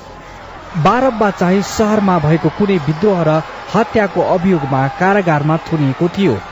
यसुलाई छोडिदिने इच्छा गरेर पिलातसले फेरि तिनीहरूलाई सम्झाए तर तिनीहरू यसो भन्दै चिच्याइरहे। अनि तिनले तेस्रो पल्ट तिनीहरूलाई भने किन? यी मानिसले के खराबी गरेका छन् र? मैले त यिनलाई मृत्युदण्ड दिने कुनै कारण भेटाइन। यसकारण म यिनलाई सजाय गरेर छोडिदिनेछु। तर तिनीहरूले ठुलो स्वरले कराउँदै उहाँलाई क्रुसमा टाङ्नै पर्छ भन्ने माग गर्न लागे। तिनीहरूको चितकार सफल भयो। अनि पिलातसले तिनीहरूको माग पूरा गरिदिने फैसला सुनाए। तिनले त्यस मानिसलाई छोडिदिए जो विद्रोह र हत्याको अभियोगमा कारागारमा परेको थियो। त्यसैलाई छोडिदिनुहोस् भनेर तिनीहरूले माग गरेका थिए। तर यसुलाई चाहिँ तिनले तिनीहरूको इच्छामा सुम्पिदिए। तिनीहरूले उहाँलाई त्यहाँबाट लैजाँदा गाउँबाट आइरहेको सिमोन नाउँको कुरेनी निवासीलाई समाते र क्रुस बोकेर उहाँको पछि पछि जान लगाए। मानिसहरूको ठूलो धुइरो उहाँको पछि लाग्यो। त्यसमा स्त्रीहरू पनि थिए जो विलाप गर्दै र रोँदै थिए। तर तिनीहरूतिर फर्केर यसुले भन्नुभयो एरुसलेमका छोरी हो मेरो निम्ति नरो। तर तिमीहरू आफ्नै निम्ति र आफ्ना छोरा छोरीका निम्ति रो। किनभने ती दिन आइरहेका छन् जब मानिसहरूले भन्नेछन् धन्य बाँझीहरू र गर्भधारण नगर्ने कोखहरू र दुध नखाउने स्त्रीहरू तब तिनीहरूले पहाडहरूलाई हामी माथि खस र डाँडाहरूलाई हामीलाई छोप भन्न लाग्नेछन् किनकि तिनीहरूले रुख हरियो हुँदा यी काम गर्छन् भने सुक्खा हुँदा के गर्लान्? अब तिनीहरूले दुई अपराधीहरूलाई उहाँसँगै मृत्युदण्ड दिनलाई लगे। जब तिनीहरू खप्परे भन्ने ठाउँमा आए तब उहाँ तिनीहरूले उहाँलाई क्रुसमा टाँगे र ती अपराधीहरूमध्ये एउटालाई दाहिनेपट्टि र अर्कालाई देब्रेपट्टि क्रुसमा टाँगे। अनि यसुले भन्नुभयो हे पिता यिनीहरूलाई क्षमा गर्नुहोस् किनकि यिनीहरू के गर्दैछन् सो जान्दैनन्। अनि तिनीहरूले उहाँको वस्त्र भाग गरेर चित्त हाले। मानिसहरू उभिएर हेरिरहेका थिए। शासकहरूले उहाँको ठट्टा गर्दै भने यसले अरूलाई बचायो। यो परमेश्वरका ख्रिस तथा उहाँका चुनिएका जन हो भने यसले आफैलाई बचाओस्। सिपाहीहरूले पनि आएर उहाँलाई सिर्का दिँदै यसो भनेर गिल्ला गरे। यहुदीहरूका राजा होस् भने आफूलाई बचा। यो यहुदीहरूको राजा हो भने दोष पत्र पनि उहाँको मासतिर दियो। क्रुसमा टाँगेका अपराधीहरूमध्ये एकजना अपराधीले उहाँको अपमान गर्दै भने के? तिमी होइनौ? तिमी आफैलाई र हामीलाई बचाऊ। र त्यसलाई हकारेर अर्कोले जवाफ दियो। त पनि त्यही दण्डमा परेको छस्। तापनि परमेश्वरको डर मान्दैनस्। हाम्रो दण्ड त न्यायोचित छ। किनकि हामीले त आफ्नो कामको उचित फल भोगिरहेका छौँ। तर यी मानिसले त केही अनुचित काम गरेका छैनन्? तब त्यसले भन्यो तपाईँ आफ्नो राज्यमा आउनुहुँदा मलाई सम्झनुहोस्। उहाँले त्यसलाई भन्नुभयो। साँच्चै म तिमीलाई भन्दछु। आजै तिमी मसित स्वर्गलोकमा हुनेछौ। प्राय दिउँसोको बाह्र बजेको थियो र तीन बजेसम्म समस्त देशलाई अन्धकारले ढाक्यो। सूर्यको तेजै कम भयो र मन्दिरको पर्दा माझमा च्यातिएर दुई भाग भयो। उच्च स्वरले कराएर यसुले भन्नुभयो हे पिता म मेरो हातमा तपाईँको हातमा सम्पन्न छु। यति भनेर उहाँले आफ्नो प्राण त्यागिदिनु भयो यो सब घटना देखेर कप्तानले यसो भन्दै परमेश्वरको महिमा गरे। निश्चय नै यिनी धार्मिक मानिस थिए। यो दृश्य हेर्न जम्मा भएका सबै मानिसहरूले यी सब देखे र आ आफ्ना छाती पेट्दै घर फर्के। र उहाँका चिनाजानीहरू र गालिलबाट उहाँको पछि पछि आउने स्त्रीहरू टाढा उभिएर यी घटनाहरू हेरिरहे। योसेफ नाउँ भएका एकजना असल र धार्मिक मानिस थिए। उनी महासभाका सदस्य पनि थिए। उनले तिनीहरूका सल्लाह र कार्यमा सम्मति दिएका थिएनन्। उनी यहुदीहरूका अरिमाथिया सहरका मानिस थिए। उनी परमेश्वरका राज्यको बाटो हेर्दै थिए। उनले पिलातस कहाँ गएर यीशुको लास मागे। उहाँको लास तल झारेर मलमलको कपडामा लपेटे र चट्टानमा कपेर बनाएको एउटा चिहानमा राखे जहाँ कहिले कोही राखिएको थिएन। त्यो तयारीको दिन थियो अनि सवाद सुरु हुनै लागेको थियो। गालिलबाट उहाँको साथमा आउने स्त्रीहरू पछि पछि गए र त्यो चिहान हेरे र उहाँको लास कसरी राखियो सो देखे। तब फर्केर तिनीहरूले सुगन्धित द्रव्य र अत्रहरू तयार गरे। अनि व्यवस्थाको आज्ञा अनुसार सबातमा तिनीहरूले विश्राम गरे।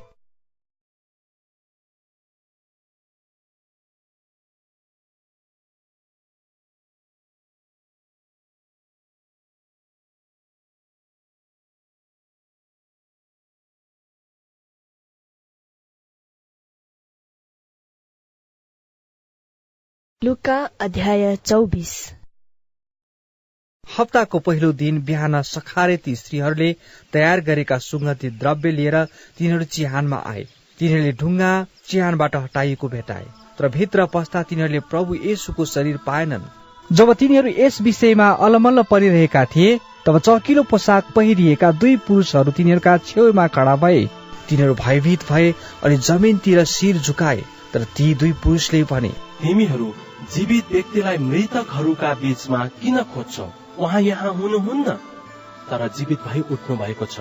कालिलमा हुनुहुँदा उहाँले तिमीहरूलाई के भन्नुभएको थियो त्यो याद गर कि मानिसको पुत्र पापी मानिसहरूका हातमा सुम्पिनु र क्रुजमा टाँगिनु र तेस्रो दिनमा जीवित भई उठ्नु आवश्यक छ। तिनीहरूले उहाँका वचन सम्झे। अनि चिहानबाट फर्केर तिनीहरूले यी सबै कुरा एघार चेलाहरू र अरू सबैलाई बताए। ती स्त्रीहरू चाहिँ मरियम मगदलिनी योन्ना र याकुबकी आमा मरियम थिए।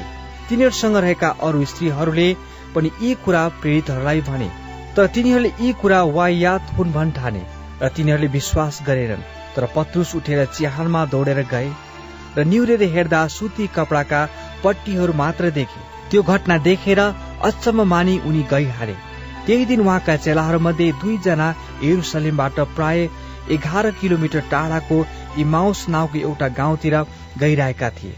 घटेका सबै घटनाहरू बारे तिनीहरू आपसमा बातचित गर्दै थिए। तिनीहरू आपसमा बातचित गर्दै र बहस गरिरहेको बेला यसो आफै नजिक आएर तिनीहरूका साथ लाग्नुभयो।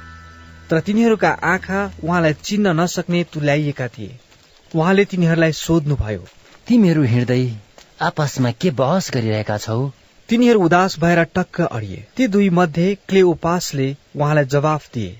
एरुसलेम घुमफिर गरी आउने भएर पनि हिजो आज त्यहाँ के घटिरहेछ तपाईँलाई थाहा छैन? उहाँले तिनीहरूलाई सोध्नुभयो। कुन कुरा? तिनीहरूले जवाफ दिए। यसु नासरीको बारेमा उहाँ एकजना अगमवक्ता हुनुहुन्थ्यो र परमेश्वर र सबै मानिसहरूका सामुन्ने काम र वचनमा शक्तिशाली हुनुहुन्थ्यो। तर मुख्य पुजारीहरू र हाम्रा शासकहरूले उहाँलाई मृत्युदण्डको निम्ति सुम्पिदिए र उहाँलाई क्रुसमा टाँगे इसरायलको उद्धार गर्ने उहाँ नै हुनुहुन्छ भन्ने हामीले चाहिँ आशा गरेका थियौं। यी सब कुरा छोडेर यो घटना घटेको आज तेस्रो दिन हो। यसबाहेक हाम्रो दलका कोही कोही स्त्रीहरूले हामीलाई चकित बनाएका छन्। तिनीहरू आज बिहान सखारै चिहानमा गए र यसुको शरीर भेटाएनन् तिनीहरूले आएर हामीहरूलाई सुनाए हामीले स्वर्गदूतहरूलाई देख्यौं जसले यसु जीवित हुनुहुन्छ भने। हामीहरू मध्येका कोही कोही चिहानमा गए र ती स्त्रीहरूले जे भनेका थिए त्यस्तै भेटाए तर उहाँलाई चाहिँ देखेनन्। उहाँले तिनीहरूलाई भन्नुभयो ए अबुझ मानिस हो तिमीहरूका हृदय यति सुस्त भएको छ कि अगमवक्ताहरूले भनेका कुराहरू विश्वास गर्दैनौ। के ख्रिसले यी कष्टहरू भोग्नु र आफ्नो महिमामा प्रवेश गर्नु आवश्यक थिएन र? तब मोसा र सबै अगम वक्ताहरूबाट सुरु गरेर उहाँले धर्मशास्त्रमा आफ्नो विषयमा लेखिएका कुराहरूको अर्थ तिनीहरूलाई खोलिदिनु भयो तिनीहरू जुन गाउँमा गइरहेका थिए त्यसको नजिकै पुगे। उहाँ अझै पर जान चाहने जस्तो गर्नुभयो। तर तिनीहरूले उहाँलाई यसो भनेर कर लाए। हामीसँगै बस्नुहोस् किनकि साँझ पर्न लाग्यो र दिन धेरै ढल्किसकेको छ। अनि उहाँ तिनीहरूसँग बस्नलाई घरभित्र पस्नुभयो। जब यसु तिनीहरूसँग खान बस्नुभयो उहाँले रोटी लिएर आशीर्वाद दिनुभयो र भाँचेर तिनीहरूलाई दिन लाग्नुभयो। तब तिनीहरूका आँखा खुले र तिनीहरूले उहाँलाई चिने अनि उहाँ चाहिँ तिनीहरूका दृष्टिबाट अल्पिनुभयो। तिनीहरूले आपसमा भने उहाँ हामीसँग बाटोमा बातचित गर्नुहुँदा र हामीलाई धर्मशास्त्रको अर्थ खोलिदिनु हुँदा के हाम्रो हृदय प्रज्वलित भएको थिएन र? तिनीहरू त्यति नै बेला उठेर एरुसलेममा फर्के र एघार चेला र तिनीहरूसँग जम्मा भएकाहरूलाई भेटे र तिनीहरूलाई यसो भने प्रभु साँच्ची नै जीवित भई उठ्नु भएछ र सिमोन कहाँ देखा पर्नु भएको हो रहेछ? तिनीहरूले बाटोमा भएका कुराहरू र रोटी भाँच्दाखेरि कसरी तिनीहरूले उहाँलाई चिने सो बताइदिए। तिनीहरूले यी कुरा गर्दा गर्दै यसो तिनीहरूका बीचमा खडा हुनुभयो र भन्नुभयो तिमीहरूलाई शान्ति होस्। तिनीहरू तर्से र डरले आतिए र हामीले त प्रेत देखिरहेछौ भन्ने सम्झे। तर उहाँले तिनीहरूलाई भन्नुभयो तिमीहरू किन विचलित हुन्छौ र तिमीहरूका हृदयमा किन शङ्का उत्पन्न हुन्छ? मेरा हात र मेरा पाउ हेर म नै हुँ मलाई छोएर हेर किनकि प्रेतको मासु र हाड हुँदैन। तर तिमीहरू देख्छौ मेरा त छन्। यसो भन्नुभएपछि उहाँले तिनीहरूलाई आफ्ना हात र पाउ देखाउनु भयो तर खुसीले पत्यार गर्न नसके तिनीहरू छक्क पर्दा उहाँले तिनीहरूलाई भन्नुभयो। के तिमीहरूसित यहाँ केही खाने कुरो छ? तिनीहरूले पकाएको माछाको एक टुक्रा उहाँलाई दिए अनि उहाँले त्यो लिएर तिनीहरूकै सामुने खानुभयो। उहाँले तिनीहरूलाई भन्नुभयो। तिमीहरूसँग हुँदा मैले बोलेका वचनहरू यिनै हुन्। अर्थात् मोसाको व्यवस्था अगमवक्ता र भजनका पुस्तकमा मेरो विषयमा लेखेका सबै कुरा पूरा हुनै पर्छ। तब धर्मशास्त्र बुझ्नलाई उहाँले तिनीहरूको समझ खोलिदिनु भयो उहाँले तिनीहरूलाई भन्नुभयो यसो लेखिएको छ कि क्रिसले दुःख भोग्नु र तेस्रो दिनमा मृतकबाट जीवित हुनुपर्छ। अनि यरुसलेमबाट सुरु गरेर सबै जातिहरूलाई उहाँको नाउँमा पश्चाताप र पाप क्षमाको प्रचार हुनुपर्छ। तिमीहरू यिनै कुराका साक्षी हौ। हेर म मेरा पिताको प्रतिज्ञा तिमीहरू कहाँ पठाउँछु तर माथिबाट शक्ति प्राप्त नगरुन्जेल तिमीहरू यही सहरमा बसिरहो। त्यसपछि उहाँले तिनीहरूलाई बेथानियासम्म लैजानुभयो र आफ्नो हात उचालेर तिनीहरूलाई आशीर्वाद दिनुभयो।